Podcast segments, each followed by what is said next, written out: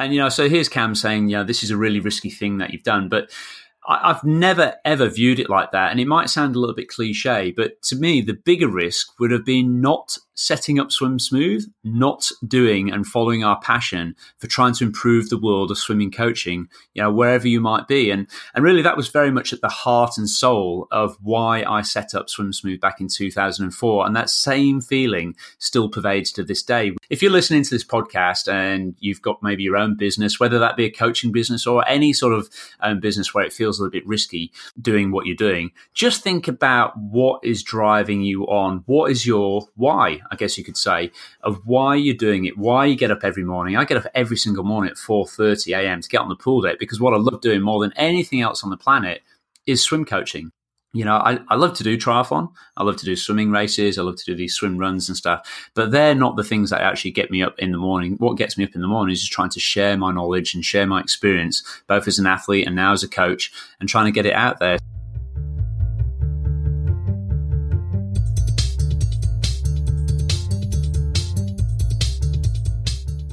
Hey there, everybody. Paul Newsome and Adam Young here from Swim Smooth, and welcome to episode four of the Swim Smooth podcast.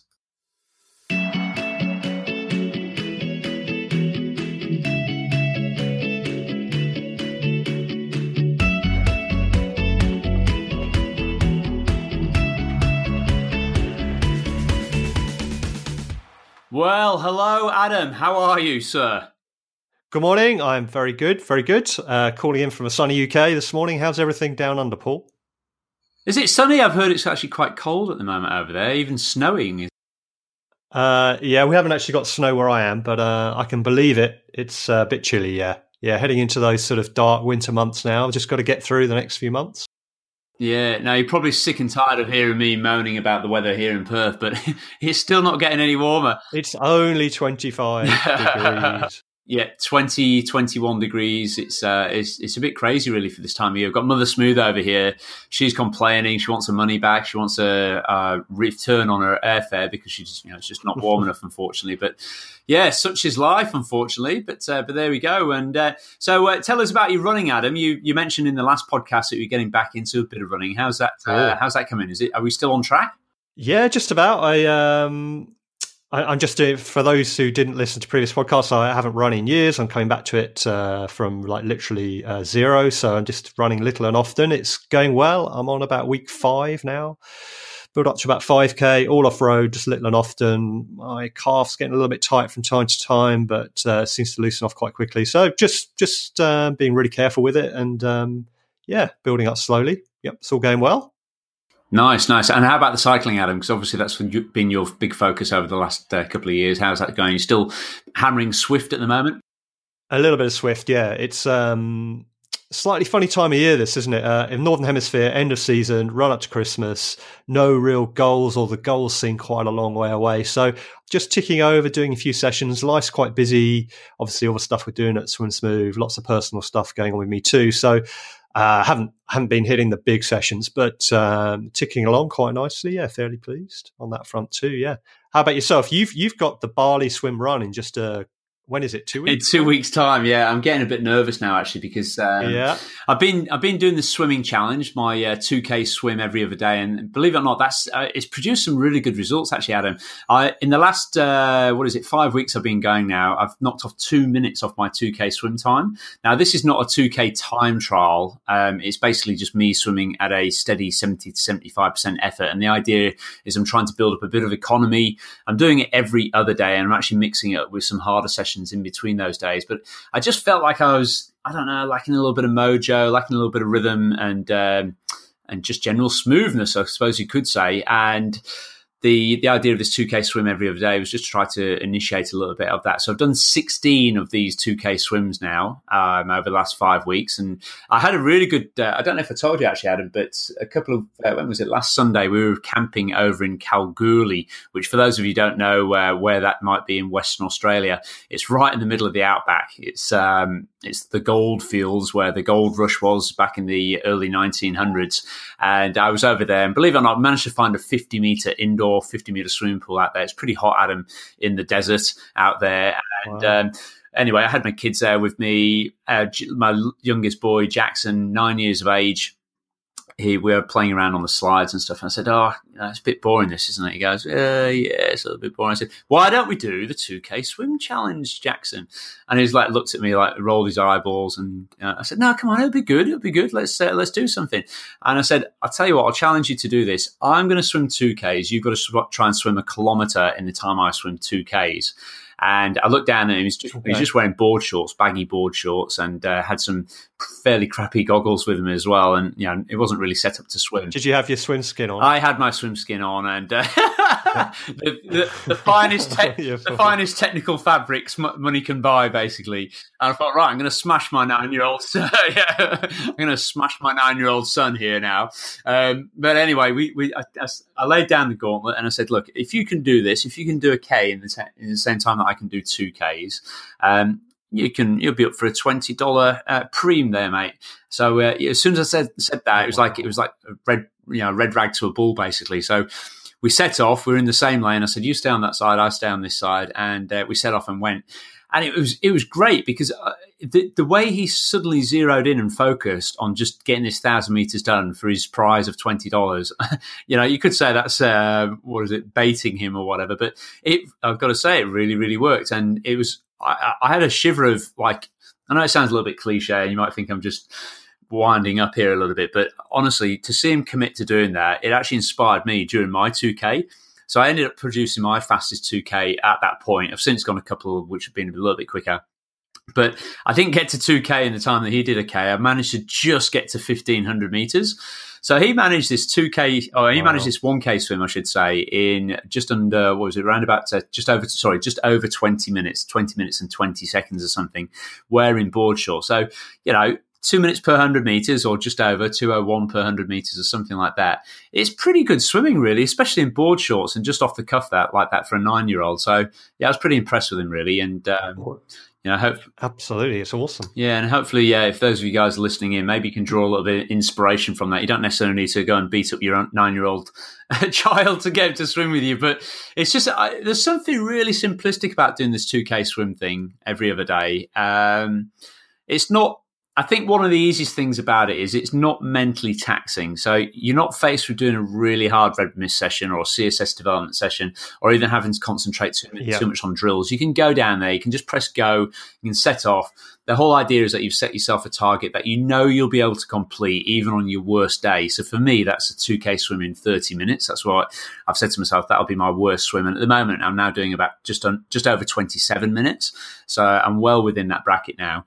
And yeah, it just um, it's just you just set off and it's almost like you shrug your shoulders. It's the, the famous Megan Megan shrug of the shoulders. Yeah, just get on with it, get it get it done, and see what happens. So, you know, hopefully, if you're if you listen to this and fancy a little bit of a challenge, get onto it. We put it we posted it out on feelforthewater.com a couple of weeks ago, didn't we? And talked about this idea of doing it. And um, yeah, yeah. It, it's something that uh, people do in other sports, isn't it? If you're a runner, you might just go out for I don't know a seven or an eight k run, nice and steady, yeah. as sort of a little session, or you know an hour on the bike or something, just to spin. And we don't really do that swimming, or the culture of swimming is not not that way, is it? No, Why not? No, no, exactly right. Culture is more intervals and stuff. And whilst sort of, I'm still very yeah. much um, saying that, that that is very, very beneficial training. You know, red mist, CSS development, working out all that sort of stuff. If you're in the northern hemisphere, and like Adam said, there, you know, he's maybe not got too many goals at this point going into the winter, the colder months, etc. Why not just give this a bit of a go? It's a great little thing to do.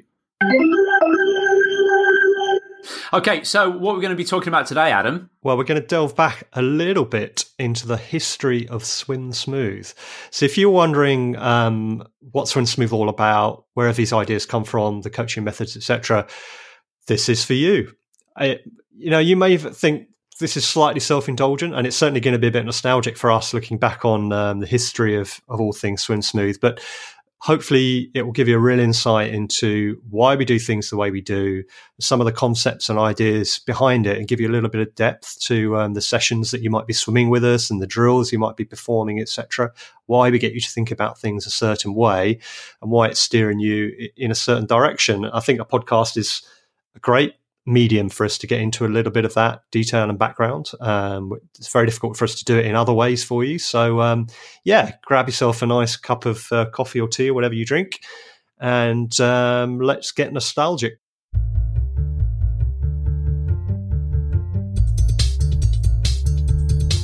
Uh, as many people know, I run a squad over here in Perth as well as doing the online stuff. And we have 12 squad sessions per week, catering for a variety of different athletes and a variety of different needs and different types of session, etc. But I also specialize in one to one video analysis sessions. And this time of year, we've got the Rottnest Channel Swim, which is the world's largest mass participation marathon swimming event.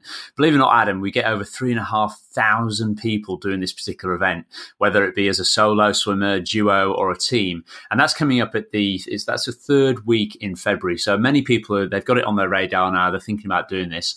And I had a guy booking for a session this morning, and this is somebody I was coaching 15 years ago when I first arrived over here in Perth. And he, he came and met me, and yeah, we both recognised each other. Obviously, we haven't haven't changed too much in that time, apart from the fact that I'm sporting this stupid mustache at the moment and raising uh, raising money for Movember at the moment. I shouldn't say it was stupid; it's for a good cause, of course. But I look stupid, and so anyway, he managed to see through the guys and. Um, and recognised me down there on the pool deck, and it was it was lovely catching up with him. Actually, his name's Cam, and he's training up to do the solo swim for the uh, I think it's for his second time now, and he just wants to get a little bit more efficient, etc. But it was it was it was genuinely very nice when he met up with me. He just sort of said, you know, I, I really think what you guys have done with Swim Smooth, yeah, it's been really quite remarkable because it obviously saw it uh, when I was starting back in 2004, even before yourself came on board, Adam.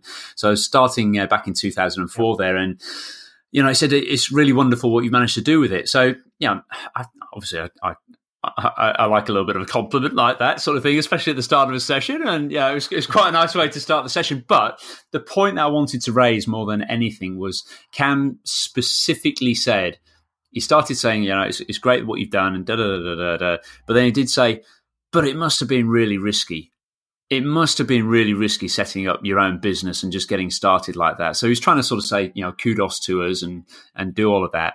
And you know, it got me thinking a little bit because I've been wanting, or we've been wanting, haven't we, Adam, to do this little podcast talking a little bit about the history. And if anyone's been on one of our three day yeah. coach education courses, we get into this a little bit. Uh, on those courses, and you know, so here's Cam saying, you know, this is a really risky thing that you've done, but I've never ever viewed it like that. And it might sound a little bit cliche, but to me, the bigger risk would have been not setting up Swim Smooth, not doing and following our passion for trying to improve the world of swimming coaching, you know, wherever you might be. And, and really that was very much at the heart and soul of why I set up Swim Smooth back in 2004. And that same feeling still pervades to this day. We just celebrated or just coming up to our 14th year now. And we had a, a fantastic squad Christmas party. We were nearly, uh, nearly 200 people here at my house on Friday night. The shots were flowing and I got a little bit drunk and a little bit nostalgic nostalgic there, Adam. And we did a did a little bit of a speech and said thank you for everybody coming, etc. And you know, it just it was just nice to sort of reflect on on what's happened over the last fourteen years because it's not all been uh, it's not all been roses and stuff. It's we've we've had some bumpy rides, which we'll get into a little bit and talk a little bit about that. But if you're listening to this podcast and you've got maybe your own business, whether that be a coaching business or any sort of um, business where it feels a little bit risky doing what you're doing, just think about what is driving you on. What is your why? I guess you could say of why you're doing it. Why you get up every morning. I get up every single morning at 4:30 a.m. to get on the pool deck because what I love doing more than anything else on the planet is swim coaching.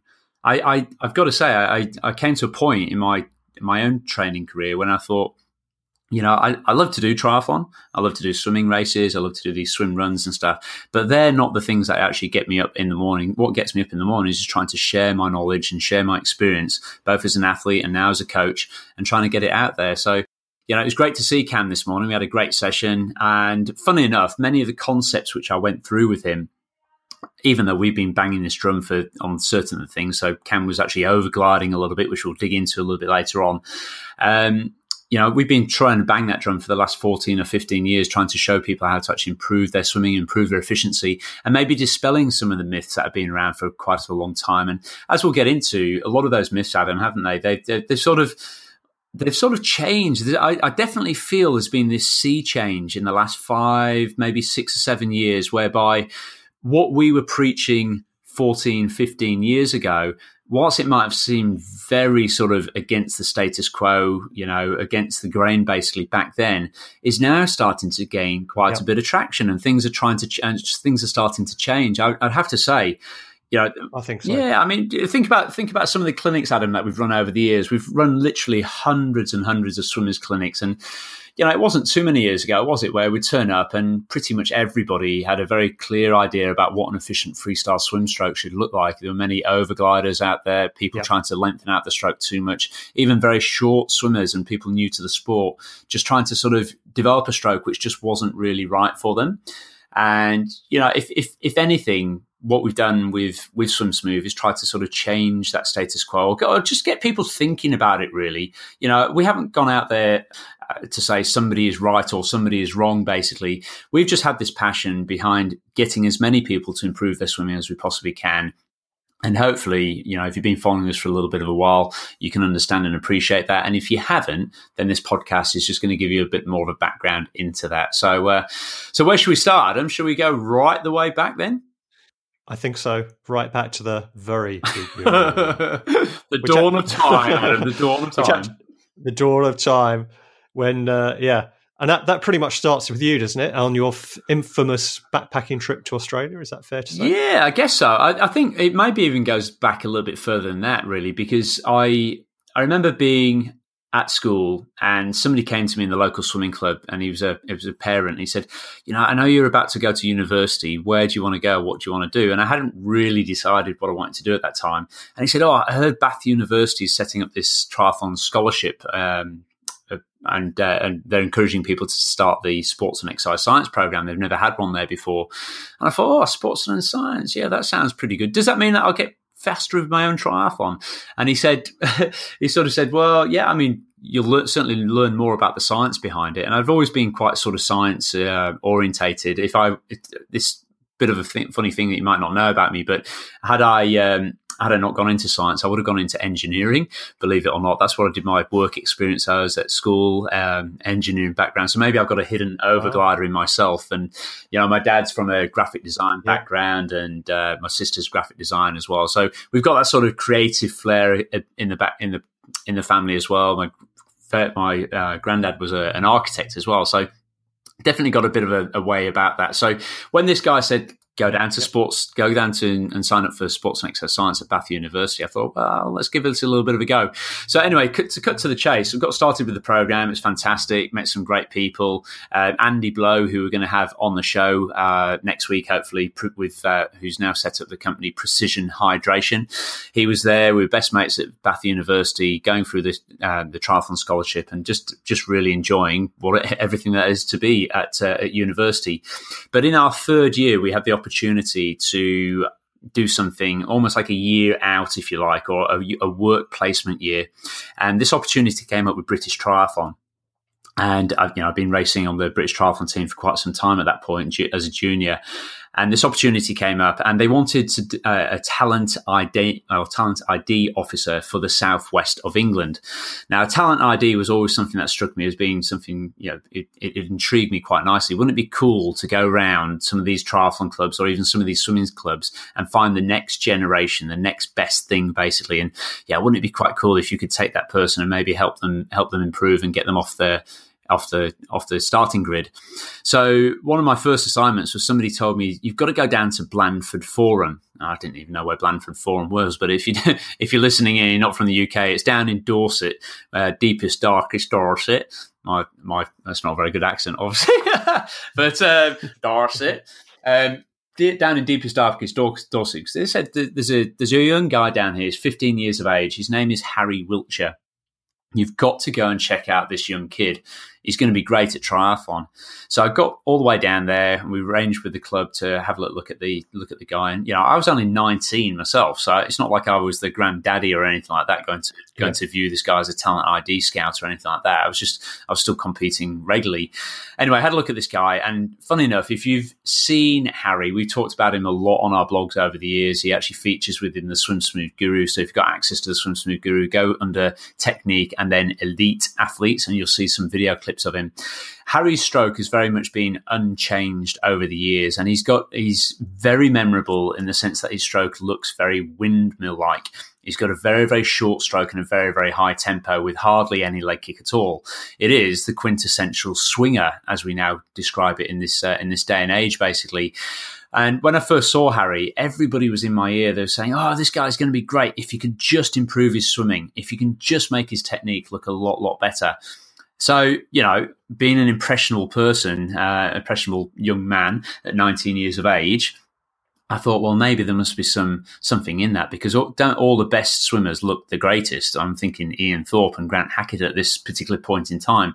Don't they look great? So I started, and Harry would travel up once per week. His mum would bring him up to Bath University, and we'd do some training sessions. And I would um, get him into the pool, and we would do some training sessions to try to improve his technique. Now, the funny thing with this was that as I tried to tune up his stroke, believe it or not, he didn't really respond and get any quicker. He looked a little bit better, but it didn't actually get any quicker. And certainly when it came to races, especially in the open water, he almost seemed like he was going backwards a little bit. And that was the first little alarm bell ringing in my mind to sort of say, well, you know, okay, he might not look like Ian Thorpe, but this kid is really quite good. And if we flash forward to 2016, of course, if any of you have been following Harry Wiltshire's progress over the years, in 2016, Harry was the first swimmer out of the water at the Hawaii Ironman World Championships, beating the uh, the world champion Jan Frodeno out of the water there. So this guy had some had some credibility about him, and the way he was swimming might have seemed to be quite unorthodox. Certainly, as a new swimming coach myself, it seemed to be quite unorthodox, but you know, that was my first lesson in maybe not trying to change someone so they fit into the, the mold of what most people think a good freestyle swim stroke should look like.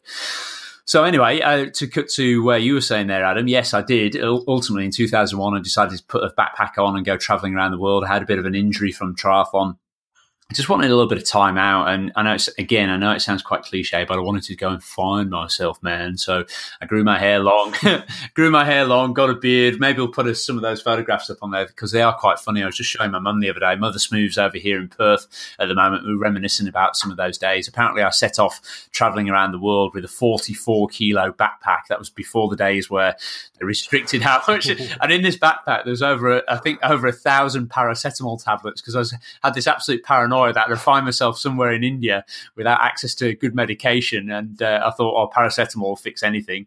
So uh, I carried this massive backpack.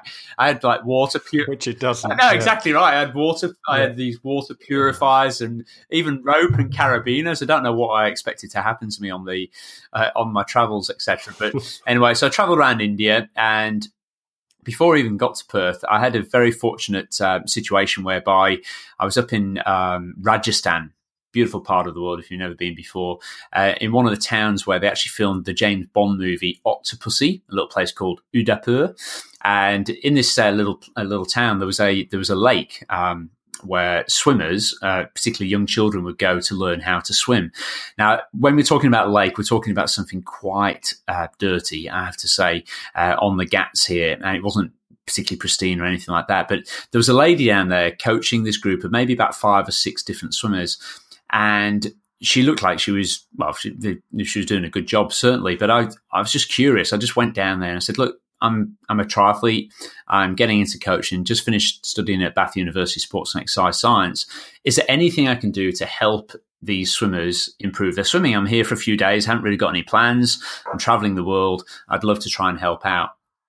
And she said to me, "Well, you know, the coach is away at the moment. Why don't you come and come and help out?" And I remember organising the, the, the lovely, lovely family, the Sharmas. They actually took me in and uh, saw me through Diwali and took me around the the, the whole streets and uh, and everything. Showed me the whole place. It was fantastic. But they organised to have a booking in a beautiful, pristine 25 meter swimming pool, and they ended up getting the local TV station down uh, to come and film me filming these kids. It was the very my very very very first video analysis session was in Udaipur in, in Rajasthan in India, filming these kids, showing them how to actually improve their technique just from everything that I'd learned at Bath University. And believe it or not, the young girl, who she was only 11 years of age at the time, who I was actually coaching there. You know, you talk about serendipity and things happening for a reason. But this girl, uh, her name is Bhakti Sharma. Now, Bhakti Sharma has since gone on to be one of the world's and certainly one of India's best ever marathon swimmers. She swam in the Antarctic, uh, in the uh, sorry, in the Arctic Ocean, the Antarctic. She swum all these major marathon events. She swam the English Channel, etc. And you know, she just had this massive tenacity about her, even at the age of eleven. And she's now doing the circuit around India, talking motivation talks, etc. So, how fortuitous of, of it was was it that I actually I actually met these kids on the banks of the the, the Ghats of the uh, the in, in and took them through their through their paces basically. So anyway, eventually found myself to uh, in in Perth, um, doing the whole Australian backpacking thing. Met up with my friend and we I, I hadn't really swum at all in the last maybe about six months. And i was just sort of starting to miss it a little bit wanting to get fit and get myself a bit healthy again after you know drinking too many bintangs in bali and that type of thing. And there was um, an opportunity came up. Somebody put me on a guy, a very good friend of mine, Martin Edwards in the UK, uh, and Julian Jenkinson, who's since unfortunately passed away. They put me in contact with a guy called Warren Millwood here in Perth, and and Warren said, "Oh, you got to come down to uh, to Challenge Stadium. We've got a big triathlon club there. It's called the Stadium Triathlon Club. There are about 350 people. Come down to the club. My brother Aaron is coaching the sessions, so I went down there, and sure enough, it was very very welcoming, fantastic uh, setup, etc. Everyone everyone just very passionate. And this was 2002. So 2002, um, January 2002, I think it was. So 15 years, 15, 16 years ago. And Aaron put me through the paces in the squad and got back into a bit of routine. And as it transpires, Aaron was due to go away and study uh, his master's and then onto his doctorate in psychology. So the club needed a new coach. So I'm thinking, okay, well, I haven't got anything else to do. What what, what am I, going to do with my time? I'm passionate about coaching. I seem to have a bit of fun in India. I love doing the coaching modules when I was at Bath University. I'll apply for this job. So the job was uh, paying $125 a week. And I think at that point, Adam, my uh, my accommodation bill in Perth was about the same. then I had to pay for my food, etc. So I just thought, oh, sod I'm going to take a bit of a punt on this. I'm going to do, I'm going to take this little bit of a challenge and, um, you know, and, and, just follow this bit of a passion. I had to fly over to New Zealand to get my visa stamp to come back, and I got a one year working visa. And ultimately, the, the club went on to sponsor me for a further three years. But it was an amazing experience just to be able to get involved with such a massive, massive community of triathletes and to start to see a huge range of different swimmers. And that was really the, the, the starting point. If Harry Wiltshire, coaching Harry Wiltshire in the UK, if that was me recognizing that, okay, not everybody wants to fit within this same mold, working with the Stadium Triathlon Club was me starting to recognize that, you know, not everybody needs to fit in that mold. And also, everyone's starting from a different experience level. Harry was a very good athlete. He was always a very good athlete, but working with the Stadium Triathlon Club, they were rather derogatory. They used to have a lane. Lane one was called the Pommy Lane or the Tourist Lane because it was full of English swimmers, and they had this very derogatory uh, feeling towards English swimmers back in those days. I've since sort of flown the British flag for uh, for Great Britain, yeehaw, um, over here in Perth, and of course Britain's doing fantastic now in the swimming world. So I'm not sure if that that thing would still stand stand true, but. Um, coaching that r- massive range of swimmers was, was just fantastic. And my parents eventually came over, mum, uh, mother Smooth, Linda, and uh, granddad Stevie, as he's now called, now that we've had two, two little kiddies. And they came over and they said, this was back in uh, early 2004. So I'd been working for the club for about three years. And they said, so what are you going to do? Are you going to stay here forever? Are you going to keep just earning $125 a week. What do you want to do with your life? It doesn't seem like much of a career.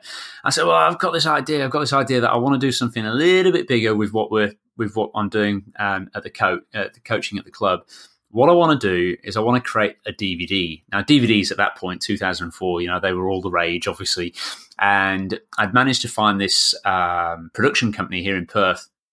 And they said to me, look, for what I was giving them in terms of my plan, I had an idea to have three DVDs, which, funnily enough, still fit the three keys that still to this day hold true with Swim Smooth. So I wanted one DVD which would showcase all the drills which I'd learnt and developed over the uh, the last three or four years. I wanted one DVD which was like a training program, so sessions that people could print out, and I wanted one DVD which would actually focus on open water swimming and how to adapt the stroke to the open water. So, of course, as you know, Adam, that's still very much the the three keys that we have at the heart and soul of, of everything you've gone to go and build even further within within swim smooth. Absolutely, training technique and open water. That's right. So training technique and open water, absolutely. Yeah, so it's very much still there right from right from those early days.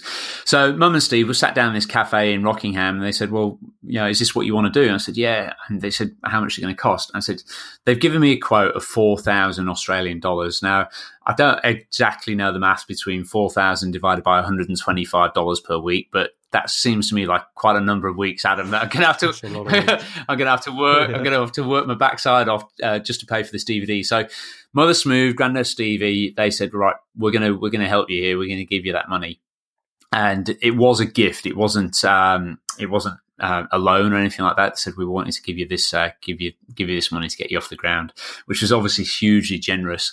So I put it into action. I got in touch with the production company. We started filming, and the, the basic premise was to be able to showcase a range of different drills. We had 35 different drills on the original Swim Smooth DVD, and I wanted to put them out there to show people why they're doing the drills because ultimately the DVD was really for the members of the club initially. I thought, well, if I can sell a hundred of these DVDs, and probably cut, um, you know, cut a break even on that.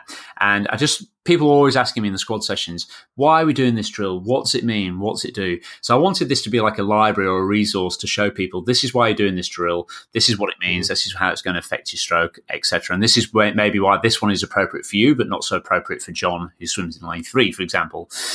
So we started filming, putting it together. I was very fortunate to have um, one of my good friends here in Perth, Bill Kirby, Olympic gold medalist. So Bill won the Olympic gold medal in the 4x200 freestyle at the Sydney Olympics of all places. So imagine being an Australian Adam winning an Olympic gold medal in Sydney in 2000.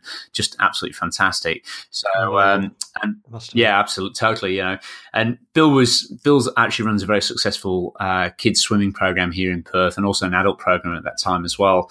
And we struck up quite a friendship. And I said, look, I'd love to just showcase your stroke. He had this beautiful, smooth, elegant stroke. Now, at that point in time, I was just putting together this this video. I hadn't decided what the name was going to be, and as I was telling the story to the squad just the other night at our Christmas party, I had three choices, and everybody laughed out loud. And maybe if you're listening in, you'll, you'll laugh out now or snigger now at what those other two names would have been, because it wasn't going to be Swim Smooth. It was uh, I had I had an idea that I had an idea actually born from a washing powder packet.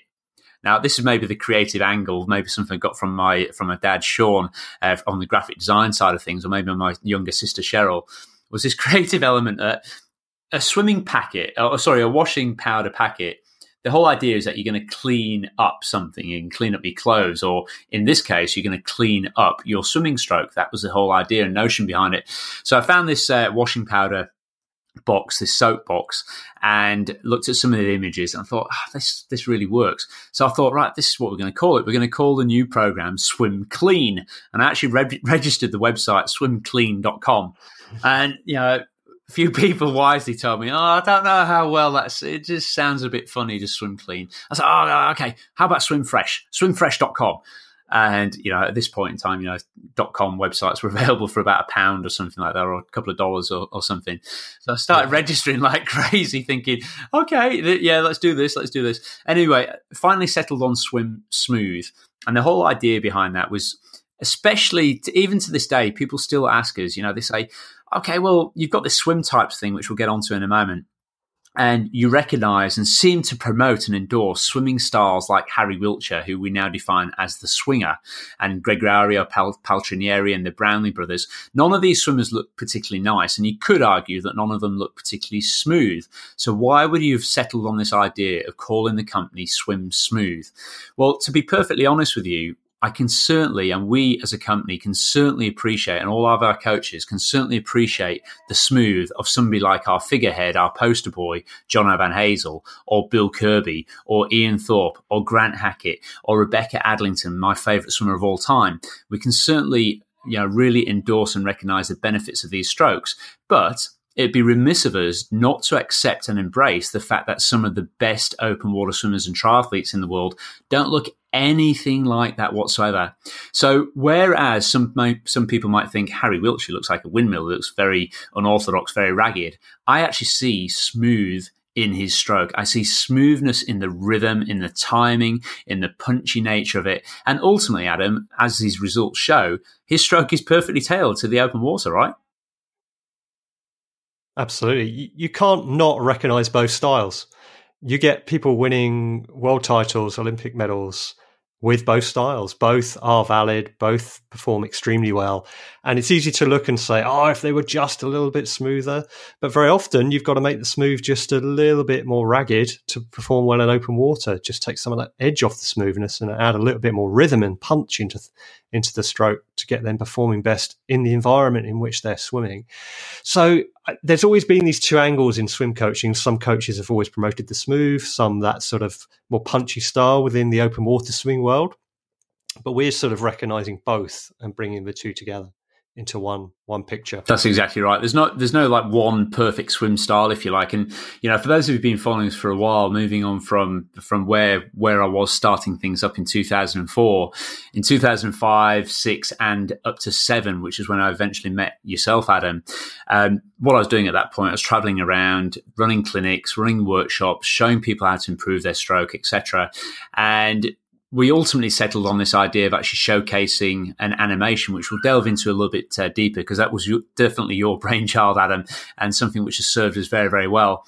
And when we first put him out, Mr. Smooth is obviously a smooth, but if you've uh, followed the blog and seen the animations over the time, we now have a Miss Swinger uh, to sort of demonstrate that stroke. And obviously, over the years, every single Friday afternoon, we put out a, a, a blog which we talk about all the different stroke styles, etc and putting it out there and definitely endorsing that that stroke if it's right for you.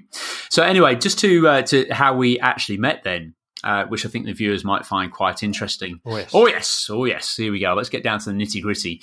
I've got a, couple of uh, couple of little anecdotes, if you like, and, and how we how we actually came to be as a as a duo. Because Adam hasn't been involved with Swim Smooth right from the very start, but in every sense of the word, sir, at word, I should say, sir, you are very much, you know, me and you. Uh, we are swim smooth together and you know i say that when with total pride in my in my heart. Uh, you might feel sound feel like I'm sounding a little bit soppy here, sort of thing. But without uh, without your help and assistance, mate, and your passion for what I was trying to create, none of what people are seeing now, this podcast, the website, the Swim Smooth Guru, the animation, etc., none of that would exist without yourself, sir. So, quick thank you and a quick bit of a oh. fist bump for yourself, sir. So, so let, us talk a little bit about how that actually happened because it is it is quite an interesting story. At least I think it is. And so, 2005, I'm over in the UK with with mm. my wife Michelle, I don't have a uh, an assistant coach or anything like that. Michelle, my wife, is a is a physiotherapist, and she's a damn fine physiotherapist too.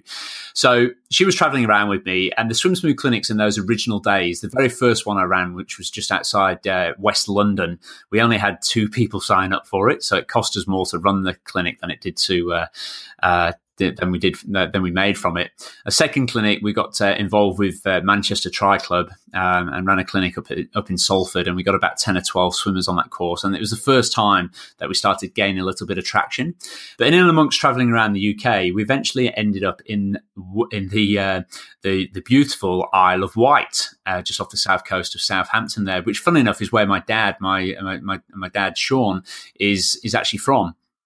So we ended up in the Isle of Wight, and the Isle of Wight Triathlon Club mm. contacted me and said, um, "We want you to come down there. We've seen that what you're doing with some of the triathlon clubs traveling around the UK. We've seen you at the triathlon show, which you know we, we paid a big big sum myself and Michelle to have this one. I think it's like 1.5 meter by 1.5 meter booth at the 2005 London Triathlon shows. 10,000 people there, and we were squished into this tiny little show stand. It's quite funny. If you if you were there, I would love to hear from you if you can remember us being there.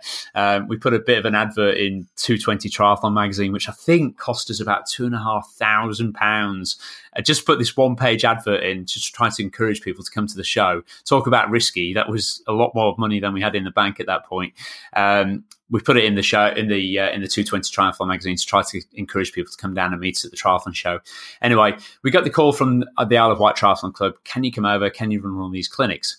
And we met um, Bill and his wife Nina, they put up as a, put us up at their house in on the Isle of Wight. Beautiful, beautiful couple, super passionate about triathlon. They just wanted to really try and help their triathlon community. So we ran this one day clinic, and the one day clinic really hasn't changed too much in terms of content and and um, how it all pans out over the day. Essentially, if you've never been on one of these clinics, and we now have 48 Swim Smooth coaches dotted around the world. So if you were to attend one of their coaching clinics, you'd find something very similar to this. We start off with a little bit of uh, a meet and greet, get to know everybody, find out what's uh, making them buzz, where they feel like they're held, being held back with their swimming.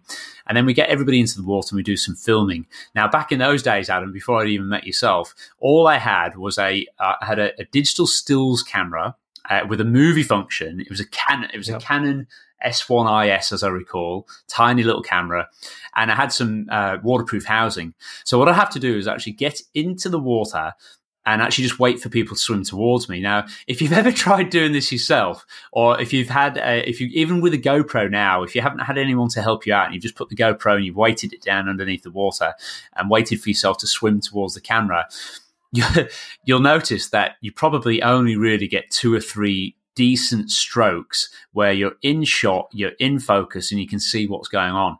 So this was a real uh, a real a real issue to try to film ten or twelve people, get them out onto the pool day. You had to download the SD card onto the computer, and it was all very very challenging indeed. Anyway, we ran this course, and I'll never forget. There's this one gentleman, and um, I, can't, I can't remember his name to this day. Maybe if he's listening, I'd love to think that he was listening. Because he's going way back to 2005. But if he is listening, it'd be great to hear from him because he was on the course and in his stroke, I saw two things. I saw somebody who had actually improved their body position and done what most people is held back by within their swimming, i.e., his legs were his legs weren't dragging through the water, which I thought was pretty good. He got his legs up and he was slipping through the water, but he was he was on the course because he was frustrated in the sense that he'd only been swimming able to get to a pace of around about 145 150 per 100 meters and he'd been doing this for six or seven years and, and he just felt swimming three or four times per week, he should be swimming a bit faster than this, um, especially you know, once he gets got got a wetsuit on. And what I distinctly remember about his stroke were two things really. He was trying, as he said in the introduction, he was trying to swim down the pool with as few strokes as he could possibly make it with the notion being that that would make him more efficient. If he could cover the same distance in fewer strokes, supposedly what he'd been told was that would make him more efficient. What he was also doing was he was also burying his head in the water. So really tucking, really submerging his head down in the water there. And the notion there was that by doing that, he would try to get his bum and legs sitting up a little bit higher. Now, certainly his bum and legs were sitting up a bit higher, but I, I suggested to him, without knowing that this would be a controversial thing at the time, I suggested to him, okay, you're here, you want to improve. This is what I'd recommend to you. I believe that you're decelerating between your strokes because you're actually pausing and almost doing like a catch up style at the front. Could it be that your stroke rate is too slow because of this big pause and glide at the front of the stroke? And he sort of ummed and ahed over it and sort of, you know, pensively looked at me and sort of took it all on board. And we got back in the pool a bit later on and started to do some work on refining his catch and pull through. But what I also said to him was, I said, I want you to look further forwards in the water. And he said, that, that, that can't be right. I said, why is that? He said, because I've been told I need to look down to get my bum and legs up. I said, look, your bum and legs up are up in the water. But what I'm suggesting here is that in order to get someone's bum and legs sitting up really high in the water, there are around about four or five different things. So if you're listening to this podcast and you're thinking, that's me, I'm swimming, I'm one of those guys who swims a lot faster, or girls who swim a lot faster with a pool boy, a lot faster with a wetsuit. There is not one silver bullet that's going to get your legs sitting up a bit higher. First and foremost, what we're sort of uh, encouraging people to do is to to exhale deeper in the water. A lot of people hold on to the breath, don't they, Adam? And uh, makes their chest sit a bit too high in the water. Yep. You know, maybe maybe you've learned to do that yourself. So by holding on to the breath, um, that can obviously negatively affect the, the depth of the legs in the water. So he, um, I encouraged him to exhale, or encourage the group to make sure they're exhaling to get their legs up a little bit higher. Certainly, bringing their head position down in the water is one of those four or five factors. Sometimes people cross over in front of their head and their legs scissor kick apart, so that creates drag and that slows them down. Sometimes, when they're pulling through, they've not really got a good idea of how they should be catching the water, and then end up pushing down with quite a straight arm pull through. That gives them lift at the front, but ultimately sinks their legs down at the back. So this gentleman had got his legs up high in the water, but he just, he just, you know, he was not swimming any quicker than he than about 145, 150. And rightly so, he thought he deserved to swim a bit quicker, as I did. And really, when you're working with somebody, and obviously we do this on a day to day basis now, Adam, don't we? But we when you're looking at somebody, you're really answering one of two questions, or really there's one equation to solve. Is this swimmer held back by a lot of drag? Or is this swimmer held back by a lack of effective propulsion? Now, this guy wasn't held back by a lot of hmm. drag. He was held back by a lack of effective propulsion. He, his stroke was too long and too slow. And at that point in time, it was completely contrary to what he's learned. And unbeknownst to me, he went away from that course and he, he made made some tremendous improvements down to the 130s per 100 meters, uh, almost you know within a couple of weeks. And he was he was just absolutely ecstatic. Sent me an email, said, "Oh, that's great. I really really thank you for for what you've done there. Can't believe it was so easy." And yeah, many of these changes, Adam, are, are quite easy. I was talking with the, the I mentioned Cam at the start today, and yeah, he was overgliding a little bit, just reaching into the water and stretching up. And he's only, he wouldn't mind me saying this, but he's actually quite a short guy. He's about my sort of height. And he just can't make that really long stroke work for him. So, you know, that's what he, that's what this guy had been told. yeah. So, um, anyway. Yeah, it is a constant irony, isn't it? That uh, people overthinking it, thinking swimming's a lot more complicated than it actually is.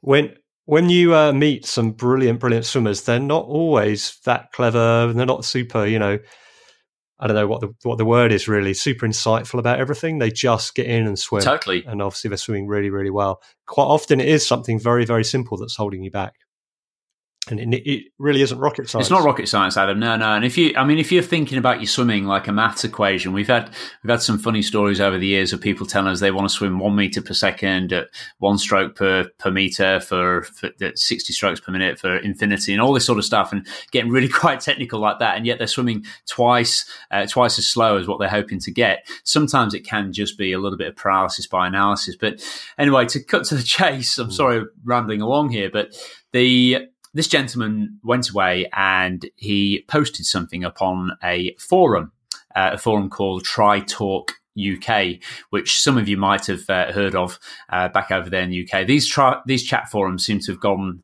uh, fallen by the wayside with the advent of Facebook and um, some of the other platforms that are out there. But this was 2005, and forums were all the rage. And this gentleman, I'd never been on a forum before, I didn't even know what one was. And this guy posted something up on this on this triathlon forum, Tri Talk, which you were already involved in, Adam. And he said uh, he went up there and said, uh, "Oh, guys, I've had this amazing experience with uh, this company called Swim Smooth. They've got a million and one reasons why not to do total immersion." Drop the mic. Now, of course, I'd never said anything to that extent, and still to this day, funny enough, in 2005, I'd never heard of who many people see as our rival swim program and never even heard of total immersion. All I'd done was giving this guy some sound, honest advice about what he could do to actually improve his swimming, get him moving forwards. So um, he'd gone on there, and of course, that is the start of what became known as the Flame Wars, Adam. Yeah. Uh, and my memory of that time, uh, 2000, it was five, five, six, six yeah, yeah was I, I was uh, coaching bike and run um, and didn't have too much experience at swim coaching. I'd been an athlete for around 10 years, uh, racing age group. I went to three age group world championships. So I was moderately, moderately successful as a, an age group, but by no means an elite or a pro athlete. But um, I was sort of observing these um, swim wars, which um, were essentially a bunch of swim coaches arguing about um, the finer points of you know, swim coaching, how it should be taught, how you should swim, etc. And it was going backwards and forwards, backwards and forwards. And it, you know, swimming, swim coaching can be a very contentious subject. It still is today. There's still a lot of argument and discussion discussion amongst swim coaches. But my memory really was from time to time, the, the athletes themselves, the tri- age group triathletes, to pop up and say, "Guys, guys, guys! All I want to know is how to swim better. I don't want to know about all this detail and phonetics and examples. I just just tell me what to do." in the water. And I that's what I really took from those years that we need a good program that swimmers can take. we we talk about the philosophy and the ideas behind the coaching, but what you do is step by step, the pragmatic steps. Because one of the criticisms that's leveled at a lot of swim coaches, and, and it was leveled at total immersion, in, uh, certainly at its peak in the 90s and the noughties, well, it's very big and very theoretical very sort of rocket science like. But what do you actually do in the water moment by moment? It shouldn't be difficult. It shouldn't be complicated. What's going to work? What's going to work for you as an individual? That's that was my sort of coming in point to all of it, and and how it should work. And you know, flashing forward slightly, when I first came to Perth, Paul, that's what I saw. I suddenly, you know, I'd seen those arguments on the forum. Suddenly, I saw what you're actually doing in the water with the athletes, making the big differences, making the changes, and that's what really, really got my attention and, and gelled for me. Yeah, yeah. I think you know we talk about the semantics of swim coaching, and there's also a lot open to interpretation as well. So the written word is probably not the best medium, and and yeah, these forums that's what it is. It was even in those days it was very difficult to even post a, a photograph, let alone a video to discuss. It took about ten minutes, some of these, didn't it? Yeah, it did. Yeah, it's crazy on the dial-up yeah. yeah. exactly right. And um, you know, so a lot of this was was semantics going backwards and forwards. But whilst at the time, and I hope she doesn't mind me saying this, my, my wife, I was actually living over in Canada. Um, so we'd done the tour around the UK running these clinics. And then in 2006, I went and spent some time with my wife, uh, who is originally from Canada and spent some time over there.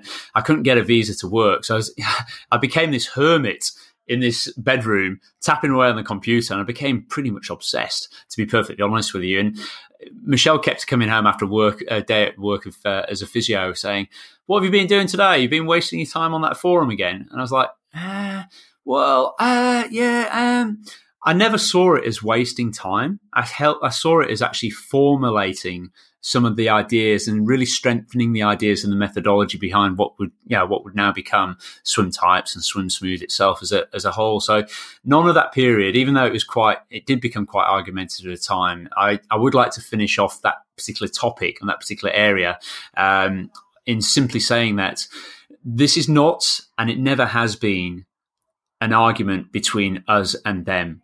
It's not swim smooth versus total immersion, as many people put it out to be at the time. Ultimately, all we've ever wanted to do is help as many people around the world become as smooth and as effective and as efficient as they possibly can. The swim types methodology or our program behind that is to simply recognize that not everybody is going to fit into that bracket. I mentioned about Harry Wiltshire and how I tried to coach him, tried to make him smooth, and it slowed him down. I knew nothing about total immersion or overgliding or anything like this at that point in time. I just saw the real world results of working with one athlete, trying to make him look better, but not necessarily getting him swimming faster. So snap forwards to the uh, to the future to 2005, 2006, etc., when all this was going on. You know, it was very argumentative, but at the heart and soul of it all. I was just trying to help people improve their swimming and try to put that uh, information out there. And as somebody rightly put, pointed out on another one of the forums, interesting enough on the Total Immersion forum, um, they, they somebody said, well, you know, if the overglider swim type is if that's supposedly aimed at total immersion, then who are they trying to aim at with the Arnie, the Bambino, the Kicktastic, the Swinger, and the Smooth? You know, who are they trying to get at? And the reality is, we're not trying to get at anybody.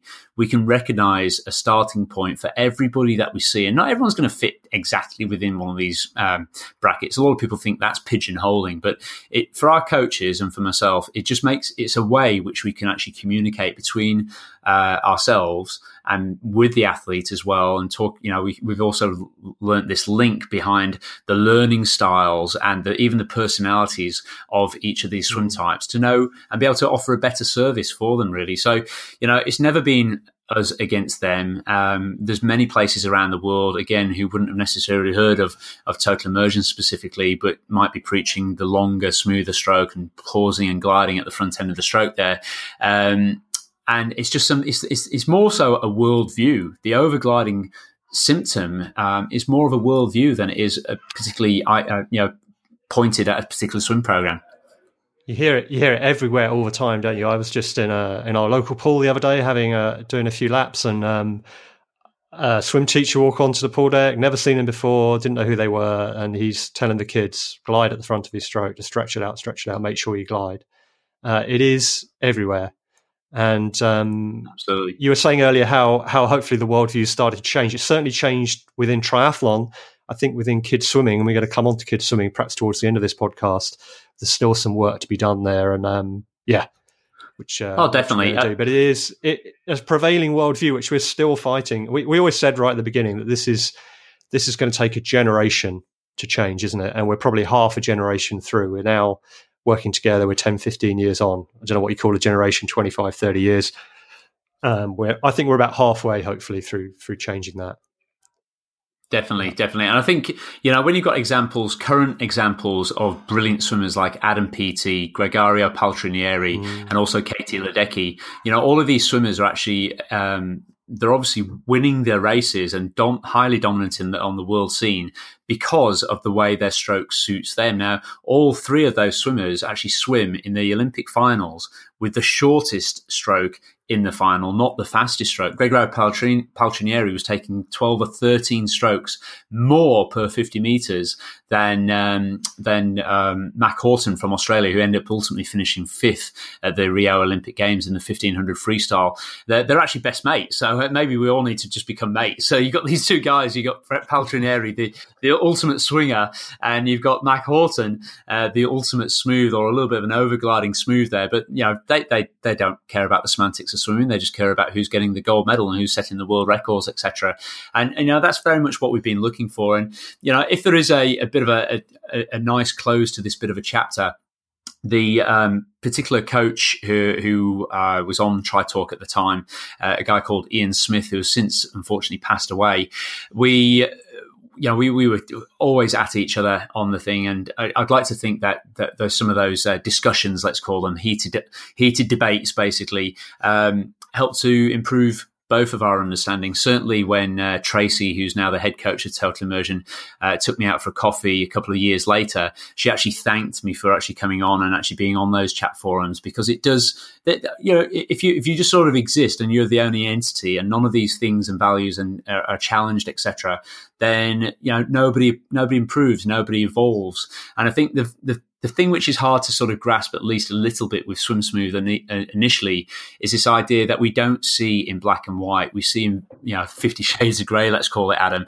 Uh, the swim types methodology system it's not like it's not binary. It's not either you are good or you are bad or you've got a long stroke you've got a short stroke. It's about looking at the individual and uh, and making sure that that really works for them. And the, the thing that came from these uh, these flame wars for me was just trying to really solidify what a good coaching program would look like, which maybe could be operated you know, um, online, uh, remotely, where you haven't necessarily got face to face contact with the uh, with the coach necessarily, albeit that would still be the best situation.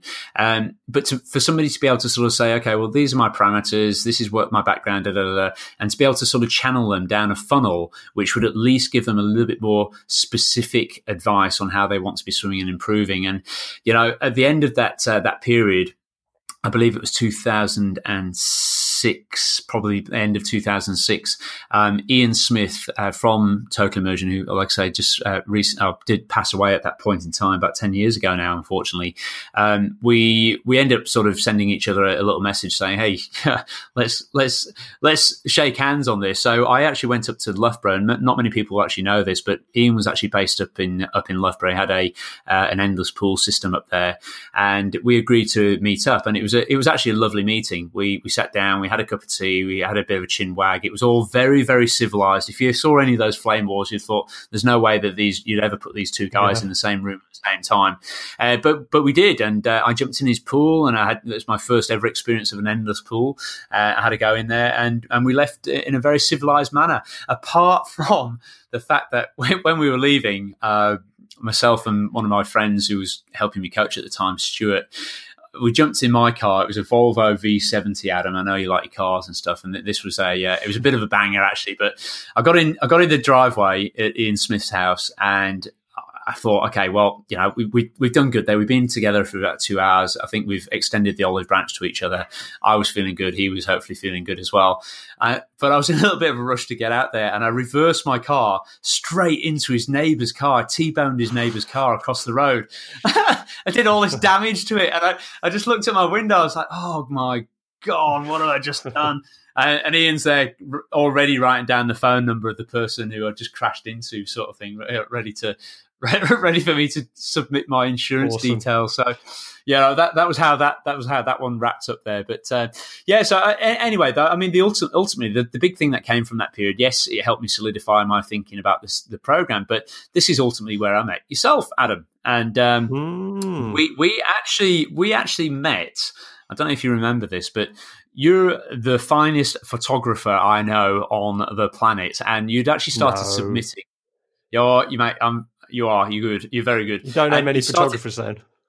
yeah. Well, you started you started submitting all these uh, photographs um, on the um, on the Tri Talk of just random events that you went to, and I was just like, oh my god, it's amazing. And I've always had this bit of a I had a bit of a passion for photography at that time. It was definitely growing.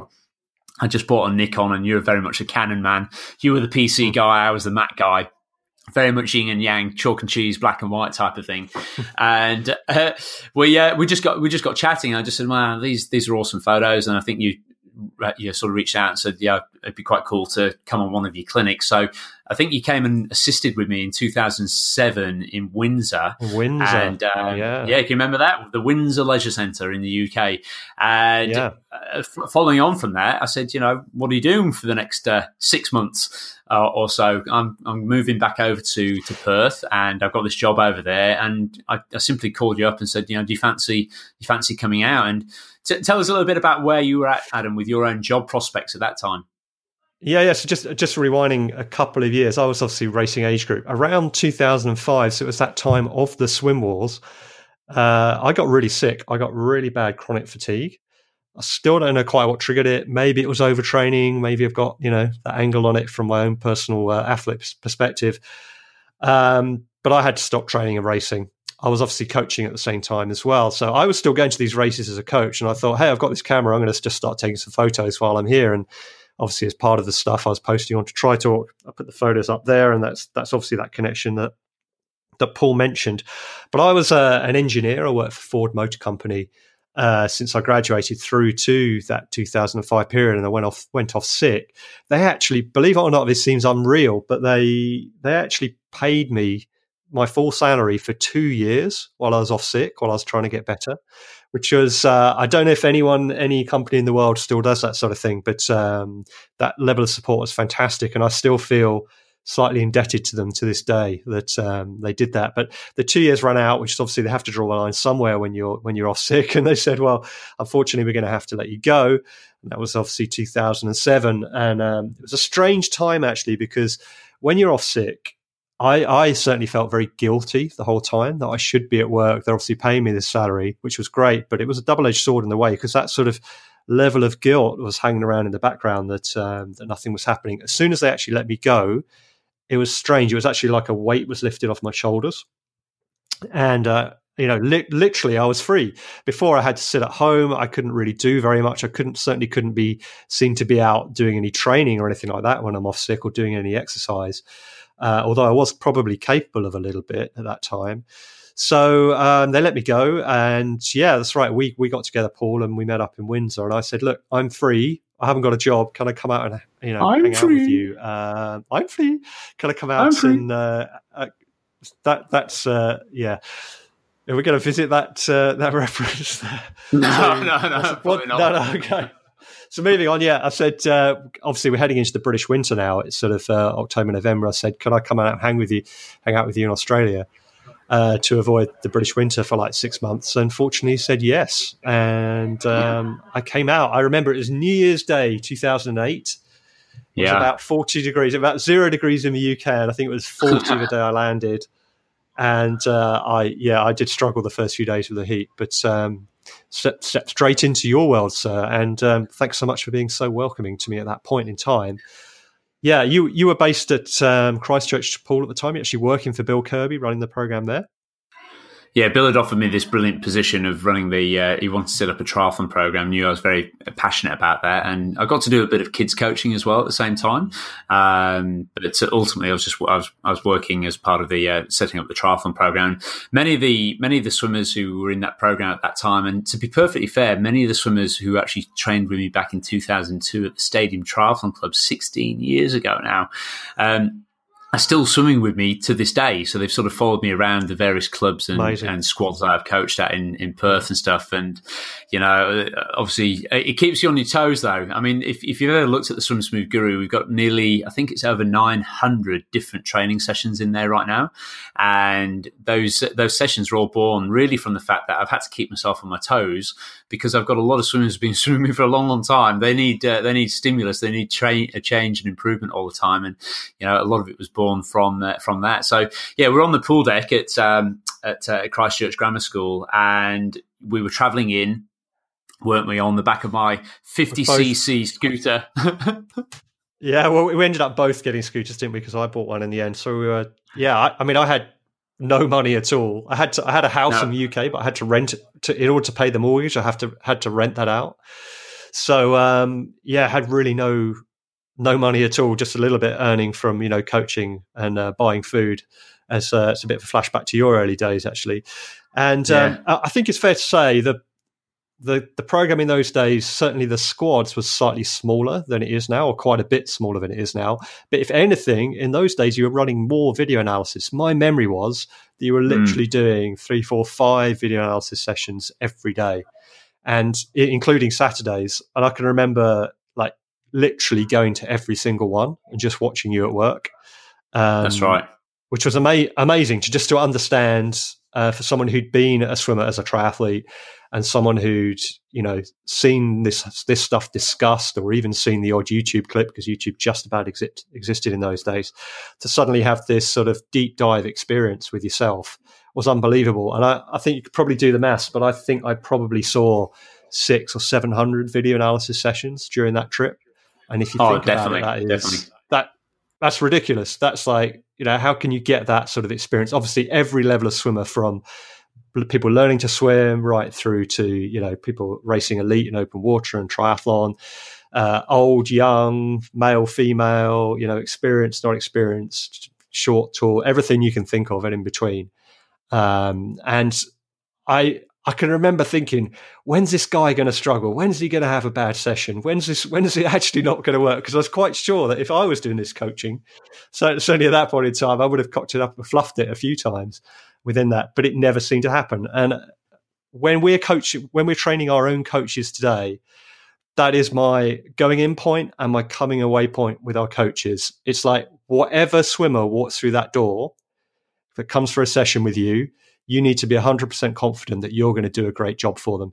Because some schools of swim coaching have done quite well for certain types of swimmers, but not other types of swimmers. Swim Smooth is all about making sure that whoever comes through that door, you're going to um, do a great session for. And that's my coming in point when we start the training. That's the objective. And obviously, at the end, when we're about to certify them, that's sort of like the final question. Well, we're very happy with you. You know, you've we're we're, we're very happy. You're a brilliant coach. Are you happy that whoever comes through that door you're going to be able to be able to help. And that's that's my sort of number one memory from my takeaway point from that first trip. Really was that you were helping beginner swimmers, experienced swimmers, elite swimmers, kids, adults, eighty year olds, twelve year olds, improving improving them all. And I thought it was just I didn't understand exactly, certainly in the early days, early months of that trip, exactly what you were doing in every case and why it worked so well. But I knew that you had something really special there, and I my feeling was that I wanted to take what you had locally in Perth and take that to the world. What can we do here? Can we take this to every, you know, wherever people are on the planet? How can we get that to them? And that's sort of big, well, that was my coming in point with with Swim Smooth. And uh, yeah, it was. Is it really? It was.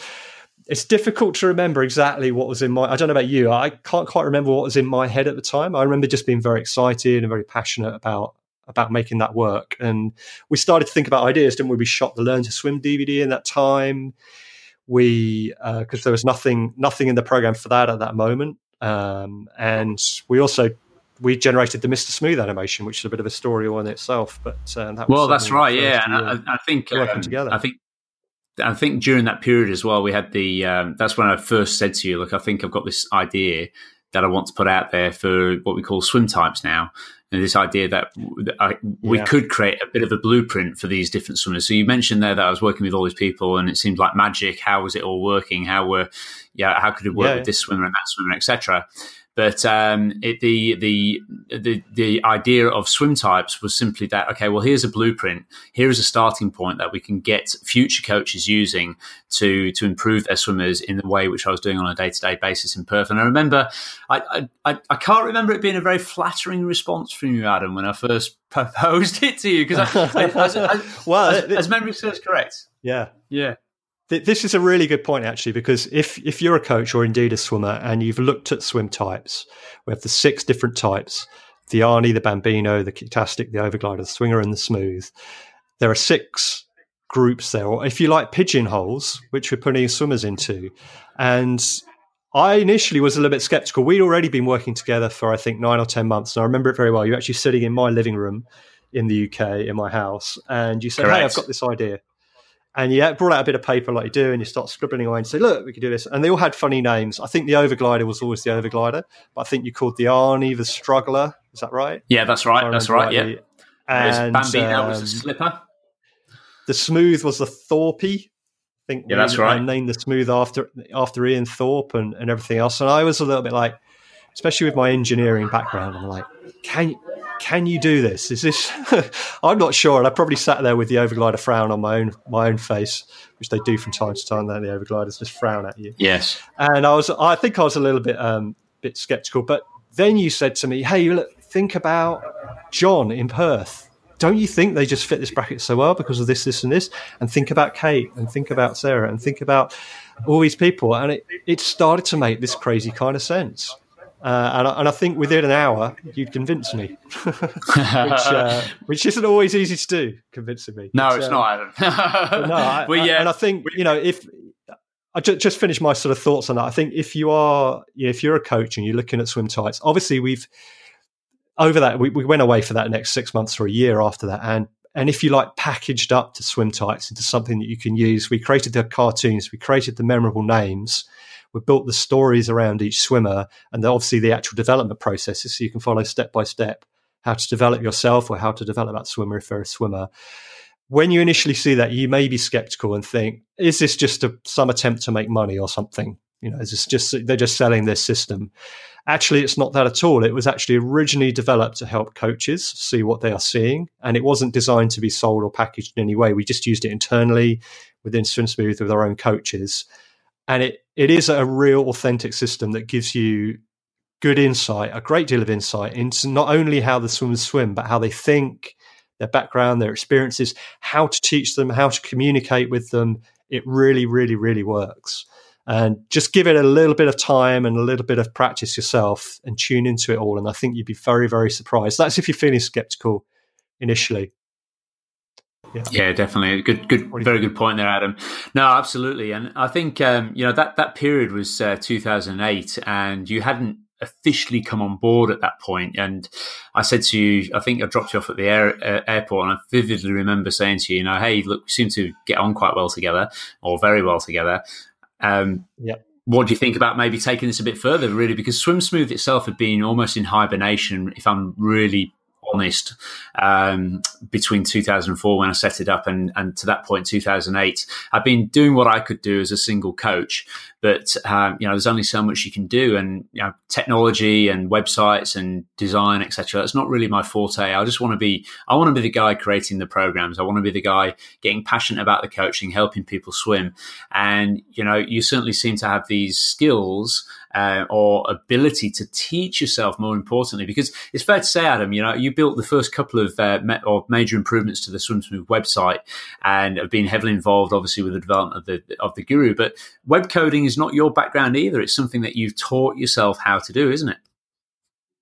Yeah yeah. I think um I need to be modest though because uh, I, I, did, and in, in those early days that was good enough it's not my skills soon like over the following years soon um, were surpassed and we needed specialist help on all those areas. So we did you know I, I, authored all the dvds we did all the filming you know we wrote all the websites ourselves etc um, now we have some very talented people you know that that work with us. Uh, john on the website is fantastic. He's building the guru for us and developing it day in day out.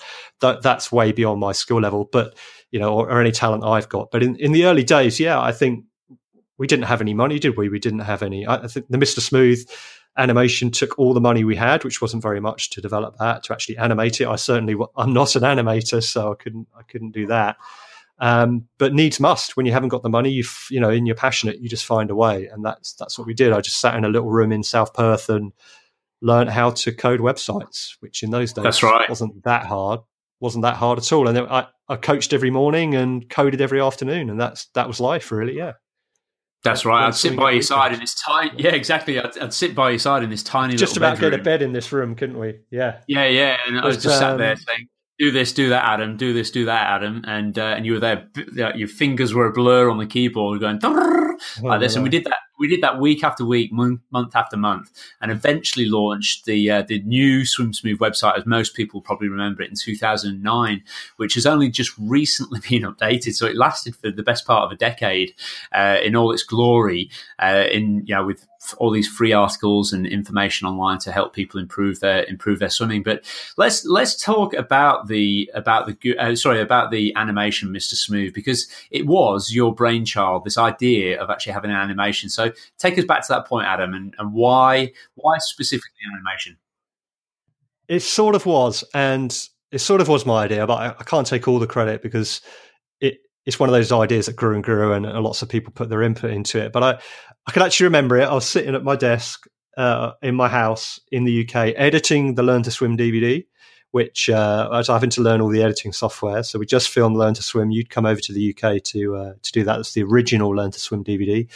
2008 we filmed that, and um, I was thinking, well, you know what? I, I've got all these elite swimmers. I'm looking at them on the computer, but they've all got little flaws. They've all got little quirks, if you like, in their idiosyncrasies in their stroke.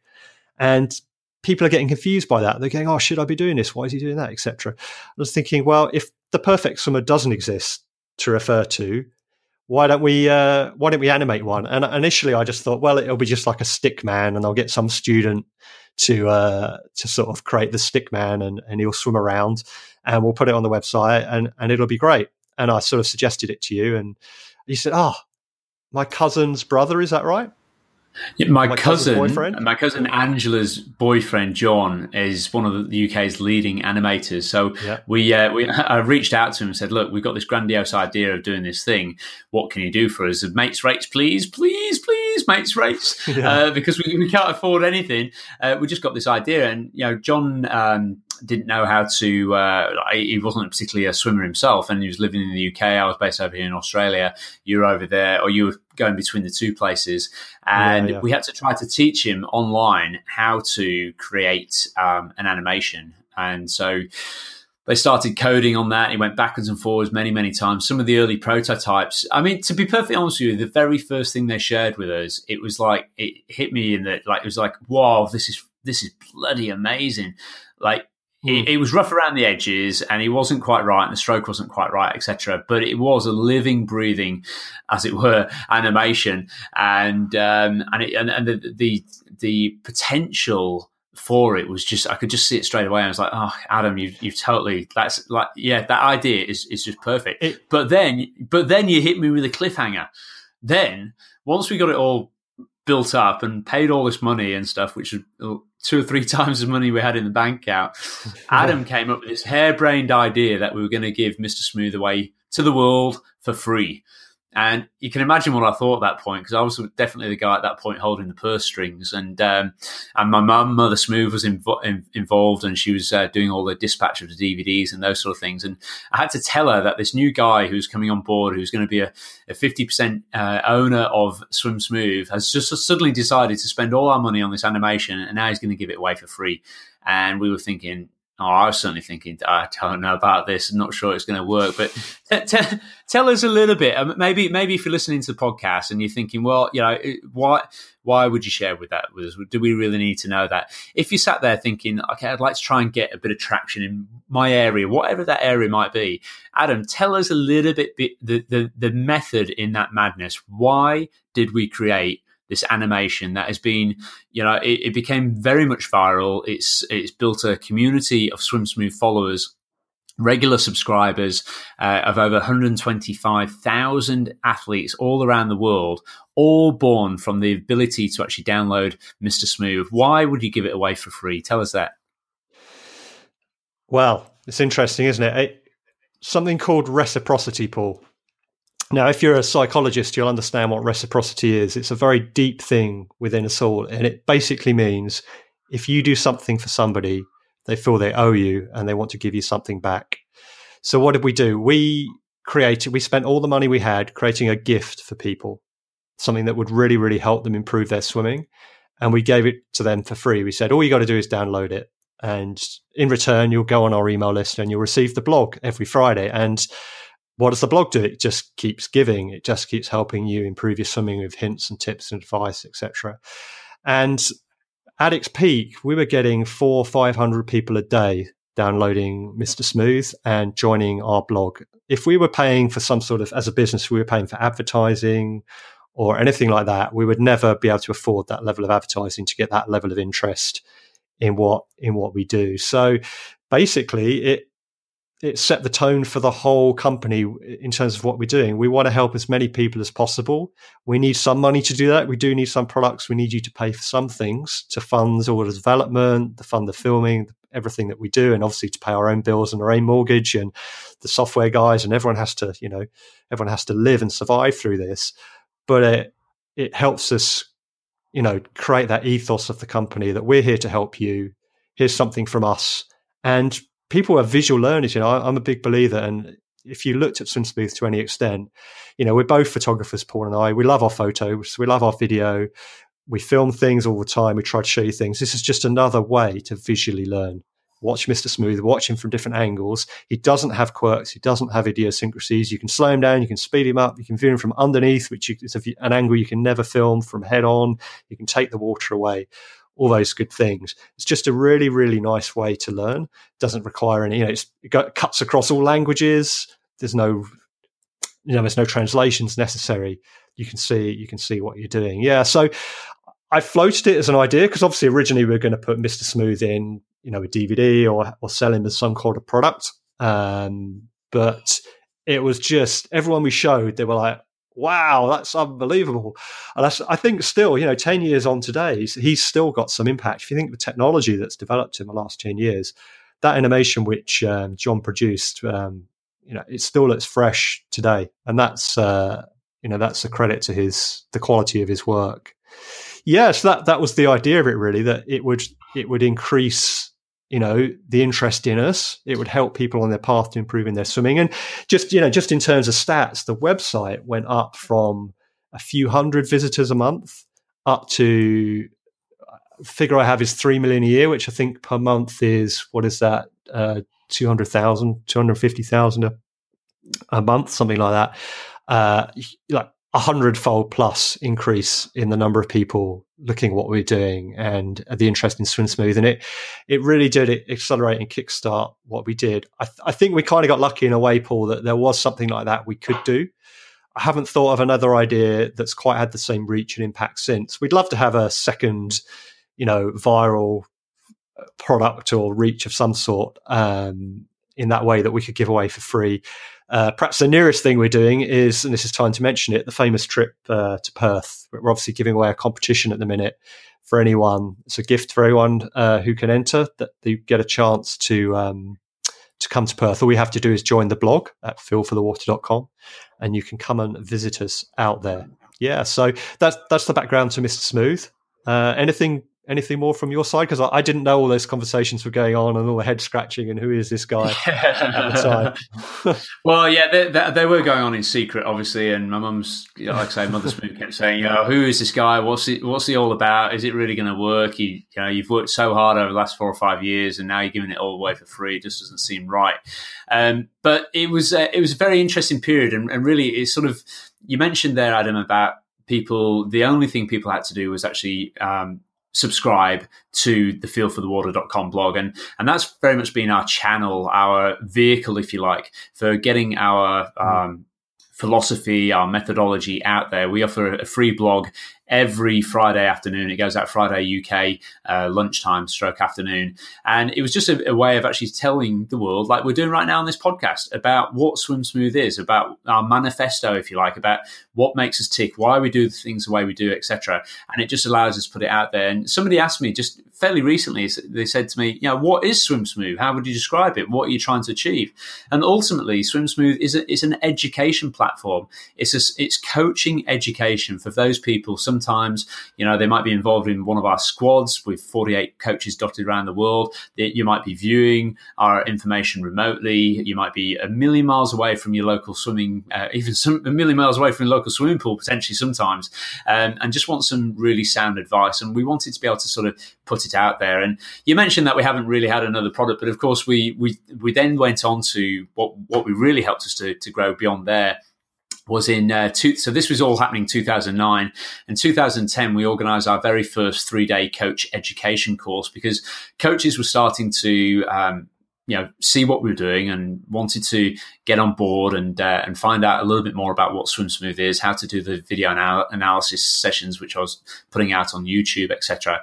So we decided that we needed a three day or we needed a coach education course. It just so happened it took 3 mm-hmm. days.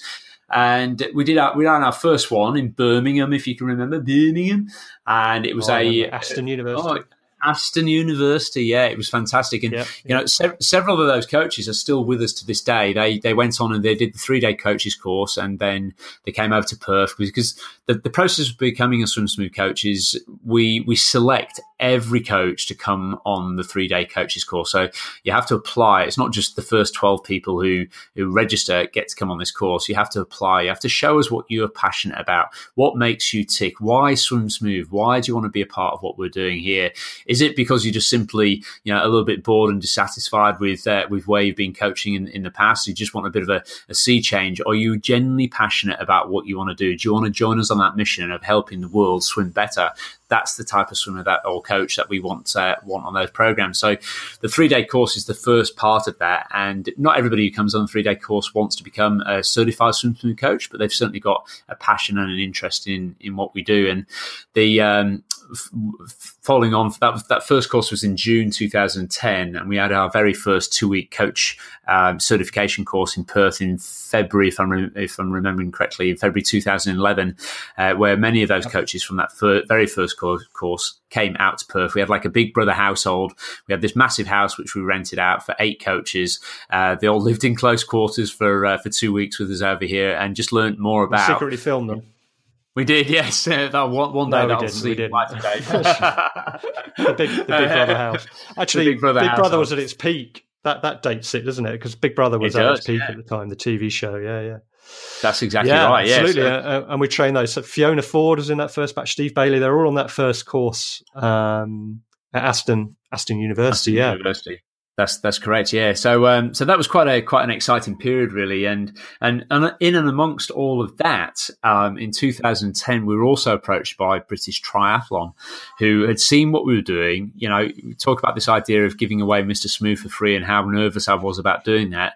But it it helped us to gain a little bit of a platform, a little bit of you know, people started to notice what we were doing, and of course, that's what you know in any line of what you're trying to do. People, you know, you're trying to get bums on seats or you're trying to get views on YouTube or whatever it might be. And, you know, very much uh, Mr. Smooth, uh, we can credit him for, for all of that. So uh, British Triathlon said to us, we've seen what you do. We like what you do. We haven't really got a very strong swim coaching curriculum at that point in time. Would you write the British Triathlon swim coaching curriculum? And uh, we were like, uh, yeah. Um, we, would love to, we'd love to do that. So uh, we have to thank uh, Giles and Morgan from British Triathlon, and um, and also Paul Moss, Paul Moss as well. As well. Mm-hmm. Yeah, absolutely. Who who instigated all that for us, and it was a it was a great period because we'd done we'd already produced a lot of the materials, but um, it was about putting it into a package which they could then put out to all of the coaches in British Triathlon going out go and do their level one, level two, level three coaching course. And we again we did um, not a lot of people know that, but we did uh, did all of that for for free, didn't we, Adam? We um, you know we put the time and the effort into it, and we just had this idea that if we can do that, if we can do that in the initial stages by offering our services for free, then hopefully this is is going to help improve the level of uh, swim coaching education in the UK at that point. And shortly after thereafter, 2014, the International Triathlon Union followed suit as well.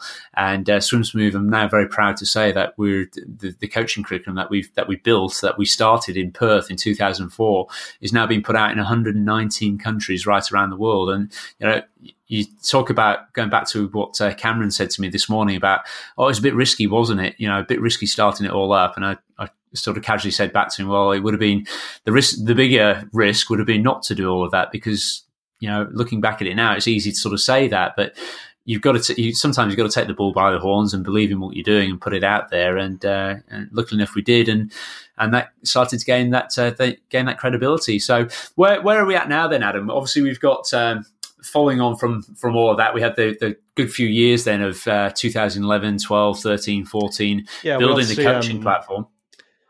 That's right. We launched, and in between all of that, at the, at the same time, of course, we launched the Swim Type system.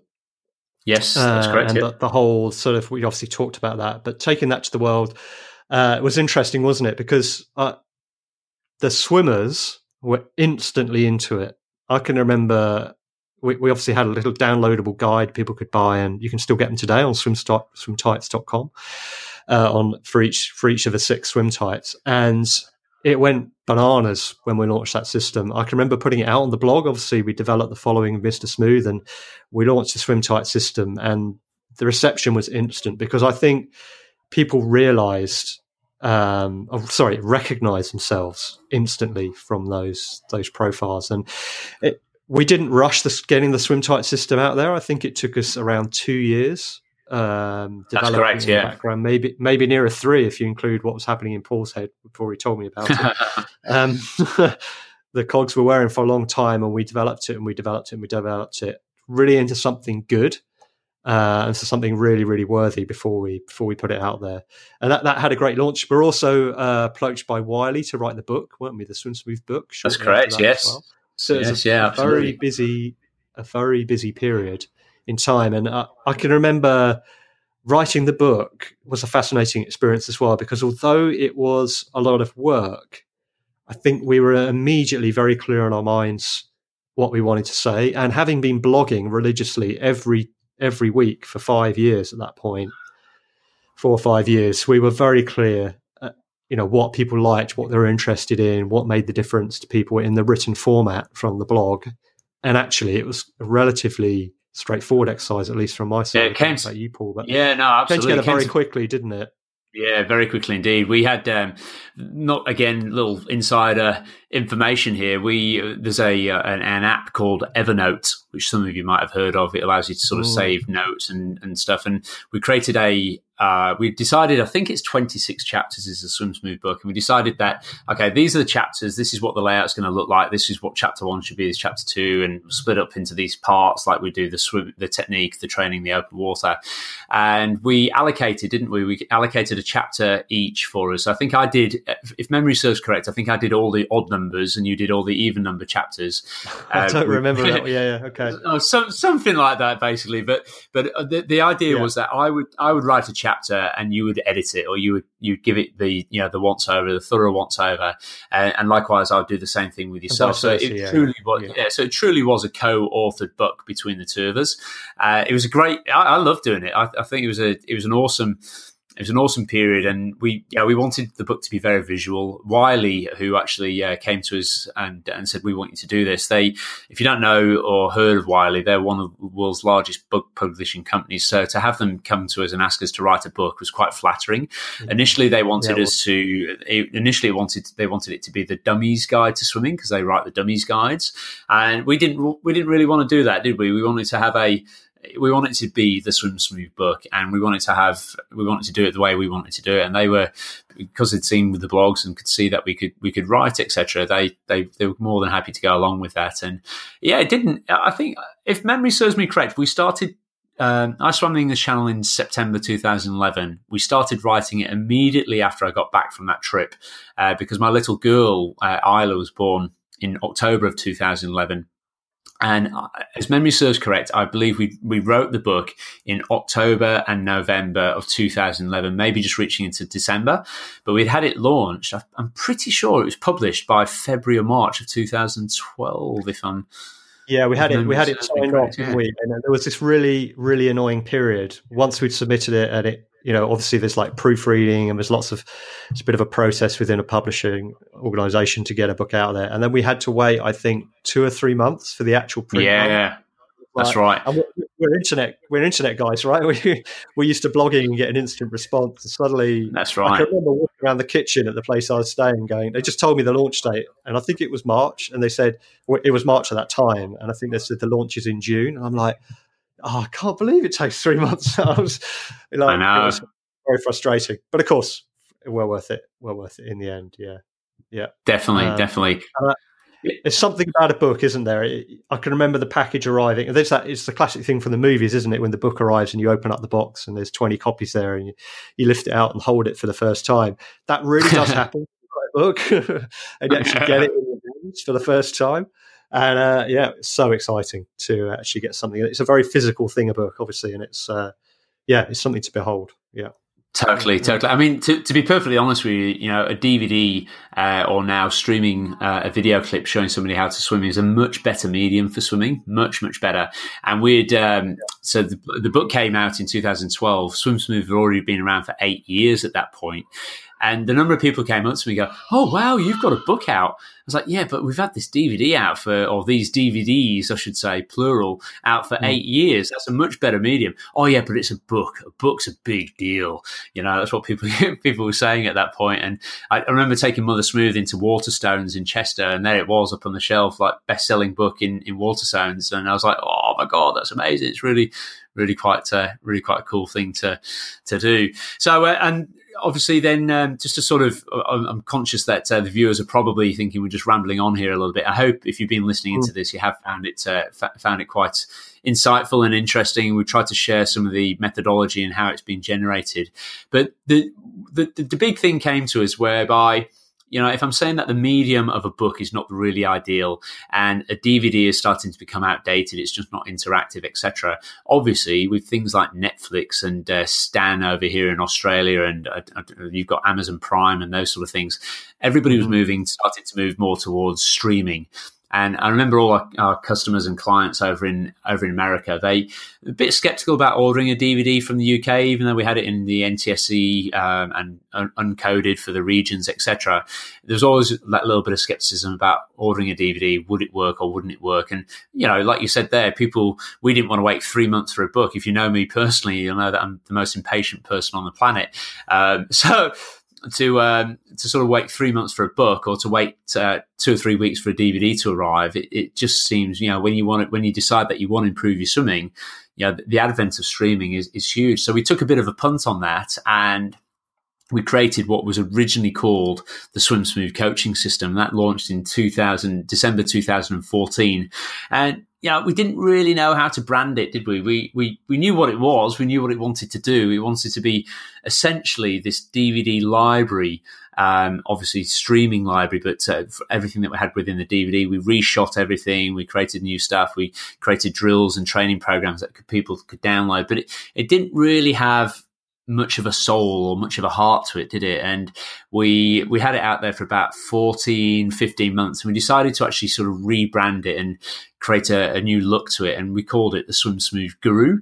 And the the idea there was that you know if wherever you're watching or wherever you're looking at uh, our, our, videos and clips, etc., you'd be able to find a training plan, a program, whether it be Learn to Swim, whether it be you're a basic or intermediate or advanced swimmer, you'd be able to download that wherever you are and, and get into it and get get on with it. So the Swim Smooth Guru was born, and um, believe it or not, Adam, I don't know if I told you this, but on Friday night at our squad Christmas party, Nolan, who's one of our squad stalwarts Waltz. He's uh, 21st ranked most consistent swimmer in the squad. We've got 450 swimmers in the squad, and I, I ranked them all for consistency. And number to get in the top, well, to get in the top 50 is very, very good going. Nolan's number 21, and the only reason he's not higher is he's he's one of their first most respected um, um, anaesthetist and a, a, like a, a, hugely nice guy. So had he got a little bit more time, I'm sure he would have been ranking a bit bit, bit higher. But yeah. it, it all came to a bit of a head for me. I had a bit of a cry on Friday night at, a, at our party because Nolan had taken it upon himself to create a, a birthday cake for Swim Smooth, and this birthday cake was the Guru. It, it, was, it was a life size version of the Guru, this beautiful chocolate fondant cake.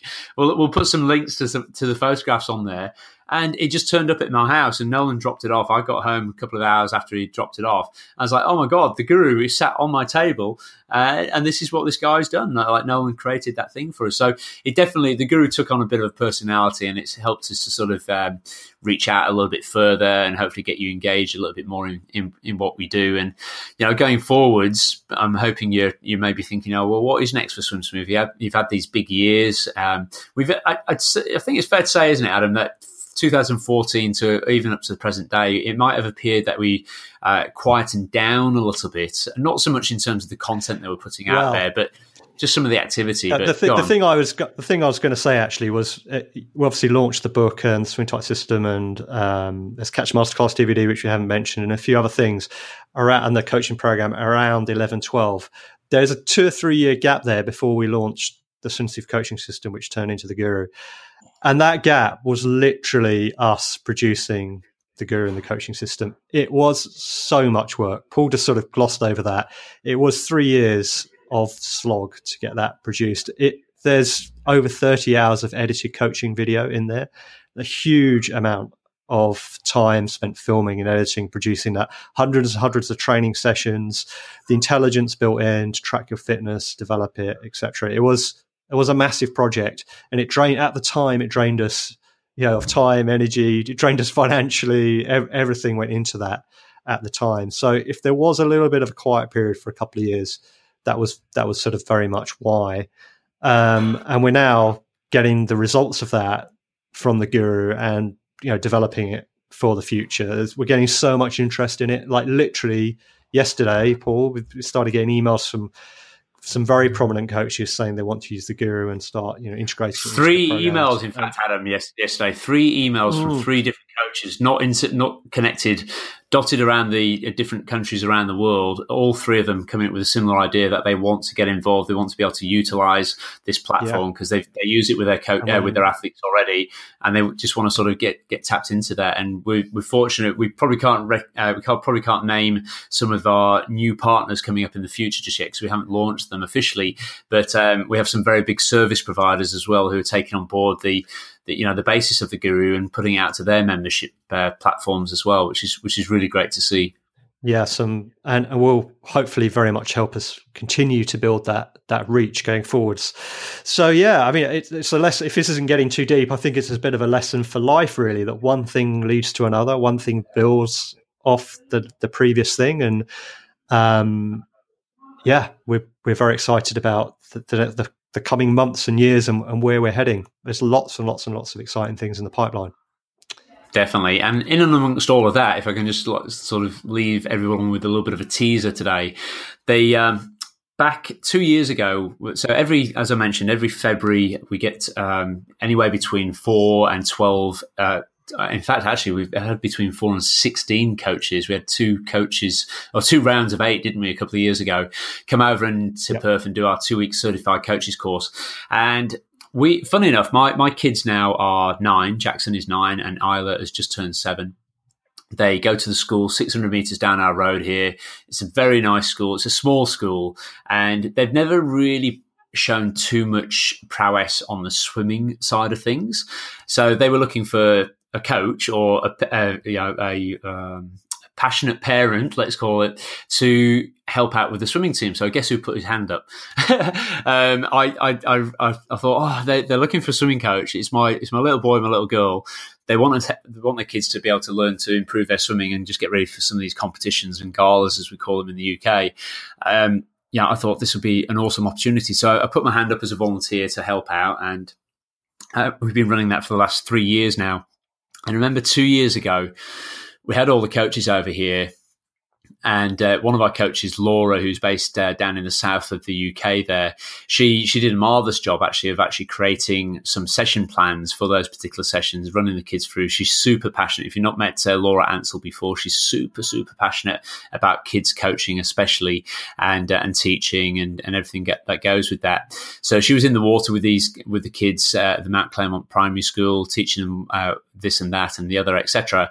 And all the the certified coaches, coaches in training, including myself, were on the pool deck and we were following those session plans and going through it. It's fantastic. And at the end of that two week period, I, I sort of had this idea because people have been nagging me for a long, long time now. They've been saying, when are you going to produce a kids program, a swim smooth kids program? When are you going to do it? When are you going to put out the butterfly, the backstroke, and the breaststroke? When are you going to start talking about sprinting and diving and tumble turning? When are we going to start talking about pool meets, etc.?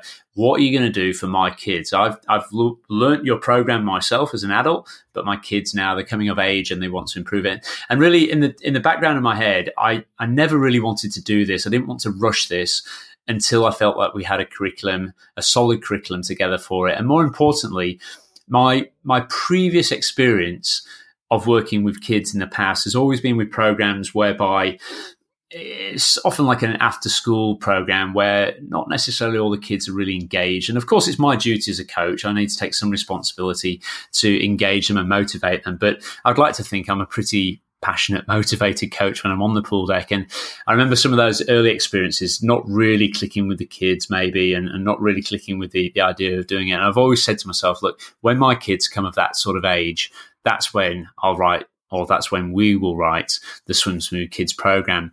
So after that two week program, we're all inspired, everyone's all pumping. I said, look, let's create a, between the Swim Smooth coaches, let's create a bit of a consortium let's get together and put our heads together and let's create a curriculum for the kids program. What does it look like? What does it entail? How long is it going to take? And I put it out there to our coaches. And like I say, we've got 48 dotted around the world now, and it's just a number that's growing and growing all the time. Some of our coaches are purely interested in the adult side. Some of them are more passionate about the kids program, like Laura. And I put it out there and we got, a, if there was such a thing as a a, a, small hand being raised up in the back of the classroom saying, uh, Excuse me, excuse me, just one moment, just one moment, just before you do that. We had um, Coach Gabriella, who was actually on our very first, um, she wasn't on our first three day coaches course, but she was in that Big Brother household we mentioned earlier on in 2011. And Gabriella uh, is based in Prague in the Czech Republic she went back to Prague and she struggled initially to get Swim Smooth up and running there in the Czech Republic, especially with the adults. She had this passionate for the kids side of things, but the adult side of things was a little bit slower to take off. Just culturally, maybe some of the stuff that we were doing wasn't really sort of uh, hitting the right sort of notes there initially. So uh, Gabriella had this idea that she'd create a bit of a kids program, and unbeknownst to us, we knew she was passionate about that. We knew she was sort of utilizing the Swim Smooth methodology with the kids, but we didn't really realize exactly what she was building. And my God, Adam, let me tell you, when I went over to in Prague, when uh, Gabby put her hand up and said, "Please." Just before you start, reinventing the wheel, come over to Prague and see what I've done. See what I've done now. If you've never been to Prague or even know where it is, Prague's this beautiful city in Eastern Europe, and it was more than a pleasure to go and spend a few nights there over in uh, over in Prague and visiting Gabby and her squad and seeing what she'd done. And my God, I've my socks were absolutely blown off by what she created there because it is the heart and soul, the embodiment of everything that we've been talking to you about on this podcast about what Swim Smooth is.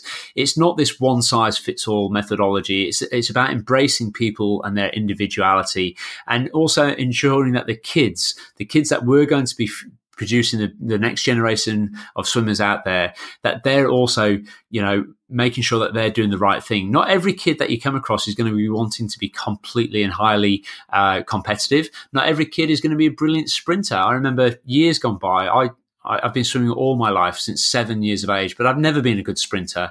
And if you've ever read the book Outliers by Malcolm Gladwell, he starts off by talking about how all the best hockey players, ice hockey players over in North America, are um, are born in the months of January and February. And the reason behind this that they've that they've come up is this simple notion that if you're born in January and February and the school year or the, ice hockey year runs from January to December, if you're born in January and February, you've got a distinct physical advantage over somebody born in September and October, just simply because you're likely to be bigger and stronger earlier on.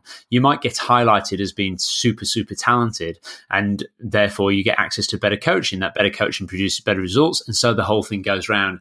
So the statistical significance that Malcolm Gladwell has been able to show in outliers, suggesting that this is the reason most of the pro ice hockey players in North America are born in the months of January and February. And that got me thinking a little bit about my own swim training because and and and and, um, and my background in the sense that you know, when you are 10, 11, 12, if your kids are 10, 11, 12 years of age and they're doing swimming competitions, all they're likely to have access to is 50 and 100 meters maximum. The longest distance, we used to have a distance uh, distance meet as a 13 and 14 year old, and that distance meet was 200 meters. Well, 200 meters for the best swimmers in the world is all done and dusted in a you know in under a minute and 50. That's not distance freestyle, but you can imagine where I'm probably getting at with this if your kid shows some passion and some interest for swimming, but they haven't got the physical attributes, they're not six foot five, you know, by the time they're 15 years of age, they haven't got massive shoulders, big hands, big powerful leg kicks, they, they haven't got the fast twitch muscle fiber composition to actually generate all this power, then potentially they're going to fly underneath the radar. And there's a huge risk, a responsibility that we need to take on board as swim coaches to make sure that these swimmers don't get missed and that they continue with that passion. So Swim Smooth Smooth and the Swim Smooth Kids program, as and when we will launch that coming up into in 2019, very much embodies all of this. And Gabby has actually built all of that in there. So we talk about the swinger and smooth for kids as well, believe it or not. You know, so this this classic smooth might be the sprinter, somebody wants to progress well in the pool, whether they be male or female. Uh, we talk about the swinger as well and how that idea of embracing that stroke rather than rejecting it might well be suited for you know your young aspiring triathlete. Let's face it, the Brownlee brothers they can't sprint. They say so in their own book. You, when you look at them on the TV, they look pretty powerful, but they are diesel engines, the very best diesel engines in the world. They don't look particularly pretty in the pool. I've seen them. I've admire them massively. And it, again, it's that whole idea that it doesn't necessarily need to be pretty to be effective. So this Swim Smooth Kids program, when we roll it out, you can tell that I'm probably very, very excited by this. Gabriella there in, in Prague has done an amazing job of that embodiment. We spent quite a bit of time with her now, filming all the material, doing all the voiceovers. We were most recently in Mallorca with her back in May, uh, putting together the final stages and all the intros, etc. Um, it, it's absolutely fantastic. She's she's created these little mascots behind the um, you know for the swinger and the smooth etc. It, it, it's a it's a full bore program and, and it's it's great and you know to sort of see that come from also a, a, different culture, you know, a different language. It's been written mm-hmm. in Czech. We're translating it to English. Really, even that whole thing is the embodiment of what we're about at Swim Smooth. Is, is this ability to transfer and cut across those um, those you know barriers or you know try and form bridges across to these different uh, different places that we might be. And it might sound all a bit grandiose and a little bit. Uh, I'm getting a little bit teary eyed here, but you know that's what swimming is about. It's about educating anybody wherever they are in the world to improve. And if we can bring that to the kids program to work with grassroots, then then that's just going to make the whole thing much better. So watch out for that in 2019. We're going to be releasing it, and uh, we're going to be getting a few pilot programs up, up and running uh, in the very short short term. I was just going to say, Paul, if you are a coach or a swim teacher and you're interested potentially in that in the future, make sure you join our coaches network. So if you go to the swimsmooth.com website, go to the coaches area, you'll see a page there on the coaches network. I think it'll be swimsmooth.com slash coaches network if you want to go directly to the URL. Um, and, f- and fill in the quick sign up there. Then when we launch the program, you'll get told about it straight away. You'll be invited, you know, are you interested in the pilot program for the kids program, etc. So sorry to interrupt, Paul. I thought that's worth a quick mention. Swim Smooth Coaches Network. Absolutely, absolutely. Because obviously that's where the, the next generation of swimming teachers are, are going to be coming from. And, you know, you could sort of say, well, what's the difference? What is your USP, if you like, your unique selling point behind the Swim Smooth Kids program versus all those other kids programs that are out there around the world? And really, to answer that, you know, if you like, if you're still listening to this podcast right now, if you've been following us for years, you'll know what our unique selling point is. You'll know about our passionate, um, passionate for individuality, for making sure you know not everybody's fitted into this one in, into this one bracket, and to make try and try to be very inclusive with everybody that we work with. And you know that's that's very much what we'll what you'll find within the Swim Smooth Kids program. So it's something which I'm really excited about and uh, just can't wait to get it off the ground. It's it's not something we've rushed into. People still, I, have been telling some of my close friends and and um, parents at the school, yeah, we've got this Swim Smooth Kids program coming. I've been, I probably jumped the gun a little bit. I've probably been saying it for about the last two years now, and they're, they're always in my ear. When's it going to come? When's it going to come? And I said, when it's ready. Really, we we don't need to yep. rush into this. You know, it's got to be ready. It's got to embody everything that we've done and uh, we don't we're not we're not keen on just rushing into it just for the sake of rushing into it and setting it up. It, it's going to be right and it's going to be great. Can't wait. I've visited Prague three or four times now, and um, every time you get in in that uh, in that pool with those kids, it's it's incredible. And to see the results from the kids at a very early age as well, like swimming brilliantly, um, well, sends shivers down my spine. Can't wait to Absolutely. that. 2019 is going to be huge. Absolutely. Excellent. Yeah. Well, Thank you very much, everybody, for listening in. It has been a, a long podcast. I'm not sure whether or not uh, you'll be listening to this in two parts potentially, or just as a one great big uh, shebang. But uh, I'm hoping you found the uh, the history of Swim Smooth, the history of how myself and Adam found each other and uh, and got together on that. A lot of people have this assumption that Swim Smooth is this massive corporate company, but you're hearing from the two guys who set up the program, and to, to this day, the program itself and the coaching platform, we are just two guys working very very, very hard on this. We've got some brilliant people assisting us, like John working on the on the websites and the and the IT. We've obviously got Mother Smooth up in there in North Wales. We've got these fantastic coaches who've been through the program with us now, dotted around the planet, etc. But we're still a very small program, and anything that you can do, if you've liked what you've heard today, if you like what we do and what we're about, and you want to start to share that with your friends, with other coaches who might be interested in what we're doing, please do that because by doing what we're doing here, by offering this free information, putting out the, the, the various products that we do we're passionate, as I keep saying, about this idea of educating the world, improving the level of swimming coaching education around the planet. Yes, we might be dispelling a few myths. Yes, we might be rocking the boat. Yes, we might be uh, you know, upsetting the status quo and getting ourselves into uh, a couple of tight spots here and there, etc. I'll never forget, Adam. Just to finish on this, actually, I'll never forget when we launched Swim Types, I went away for a, uh, a break with my family down in Margaret River, and I got a phone call from a very, very angry coach from somewhere in the UK. And, and he found my phone number somehow. He called me up and he said, Swim Types, what a load of bull. I said, What do you mean? He said, This is it's load of ridiculous. You need to take that down. I said, What do you mean? Why why do we want to take swim types down? We just launched it because it's it's rubbish. It doesn't mean anything. He says, "Have you heard of Barnum statements?"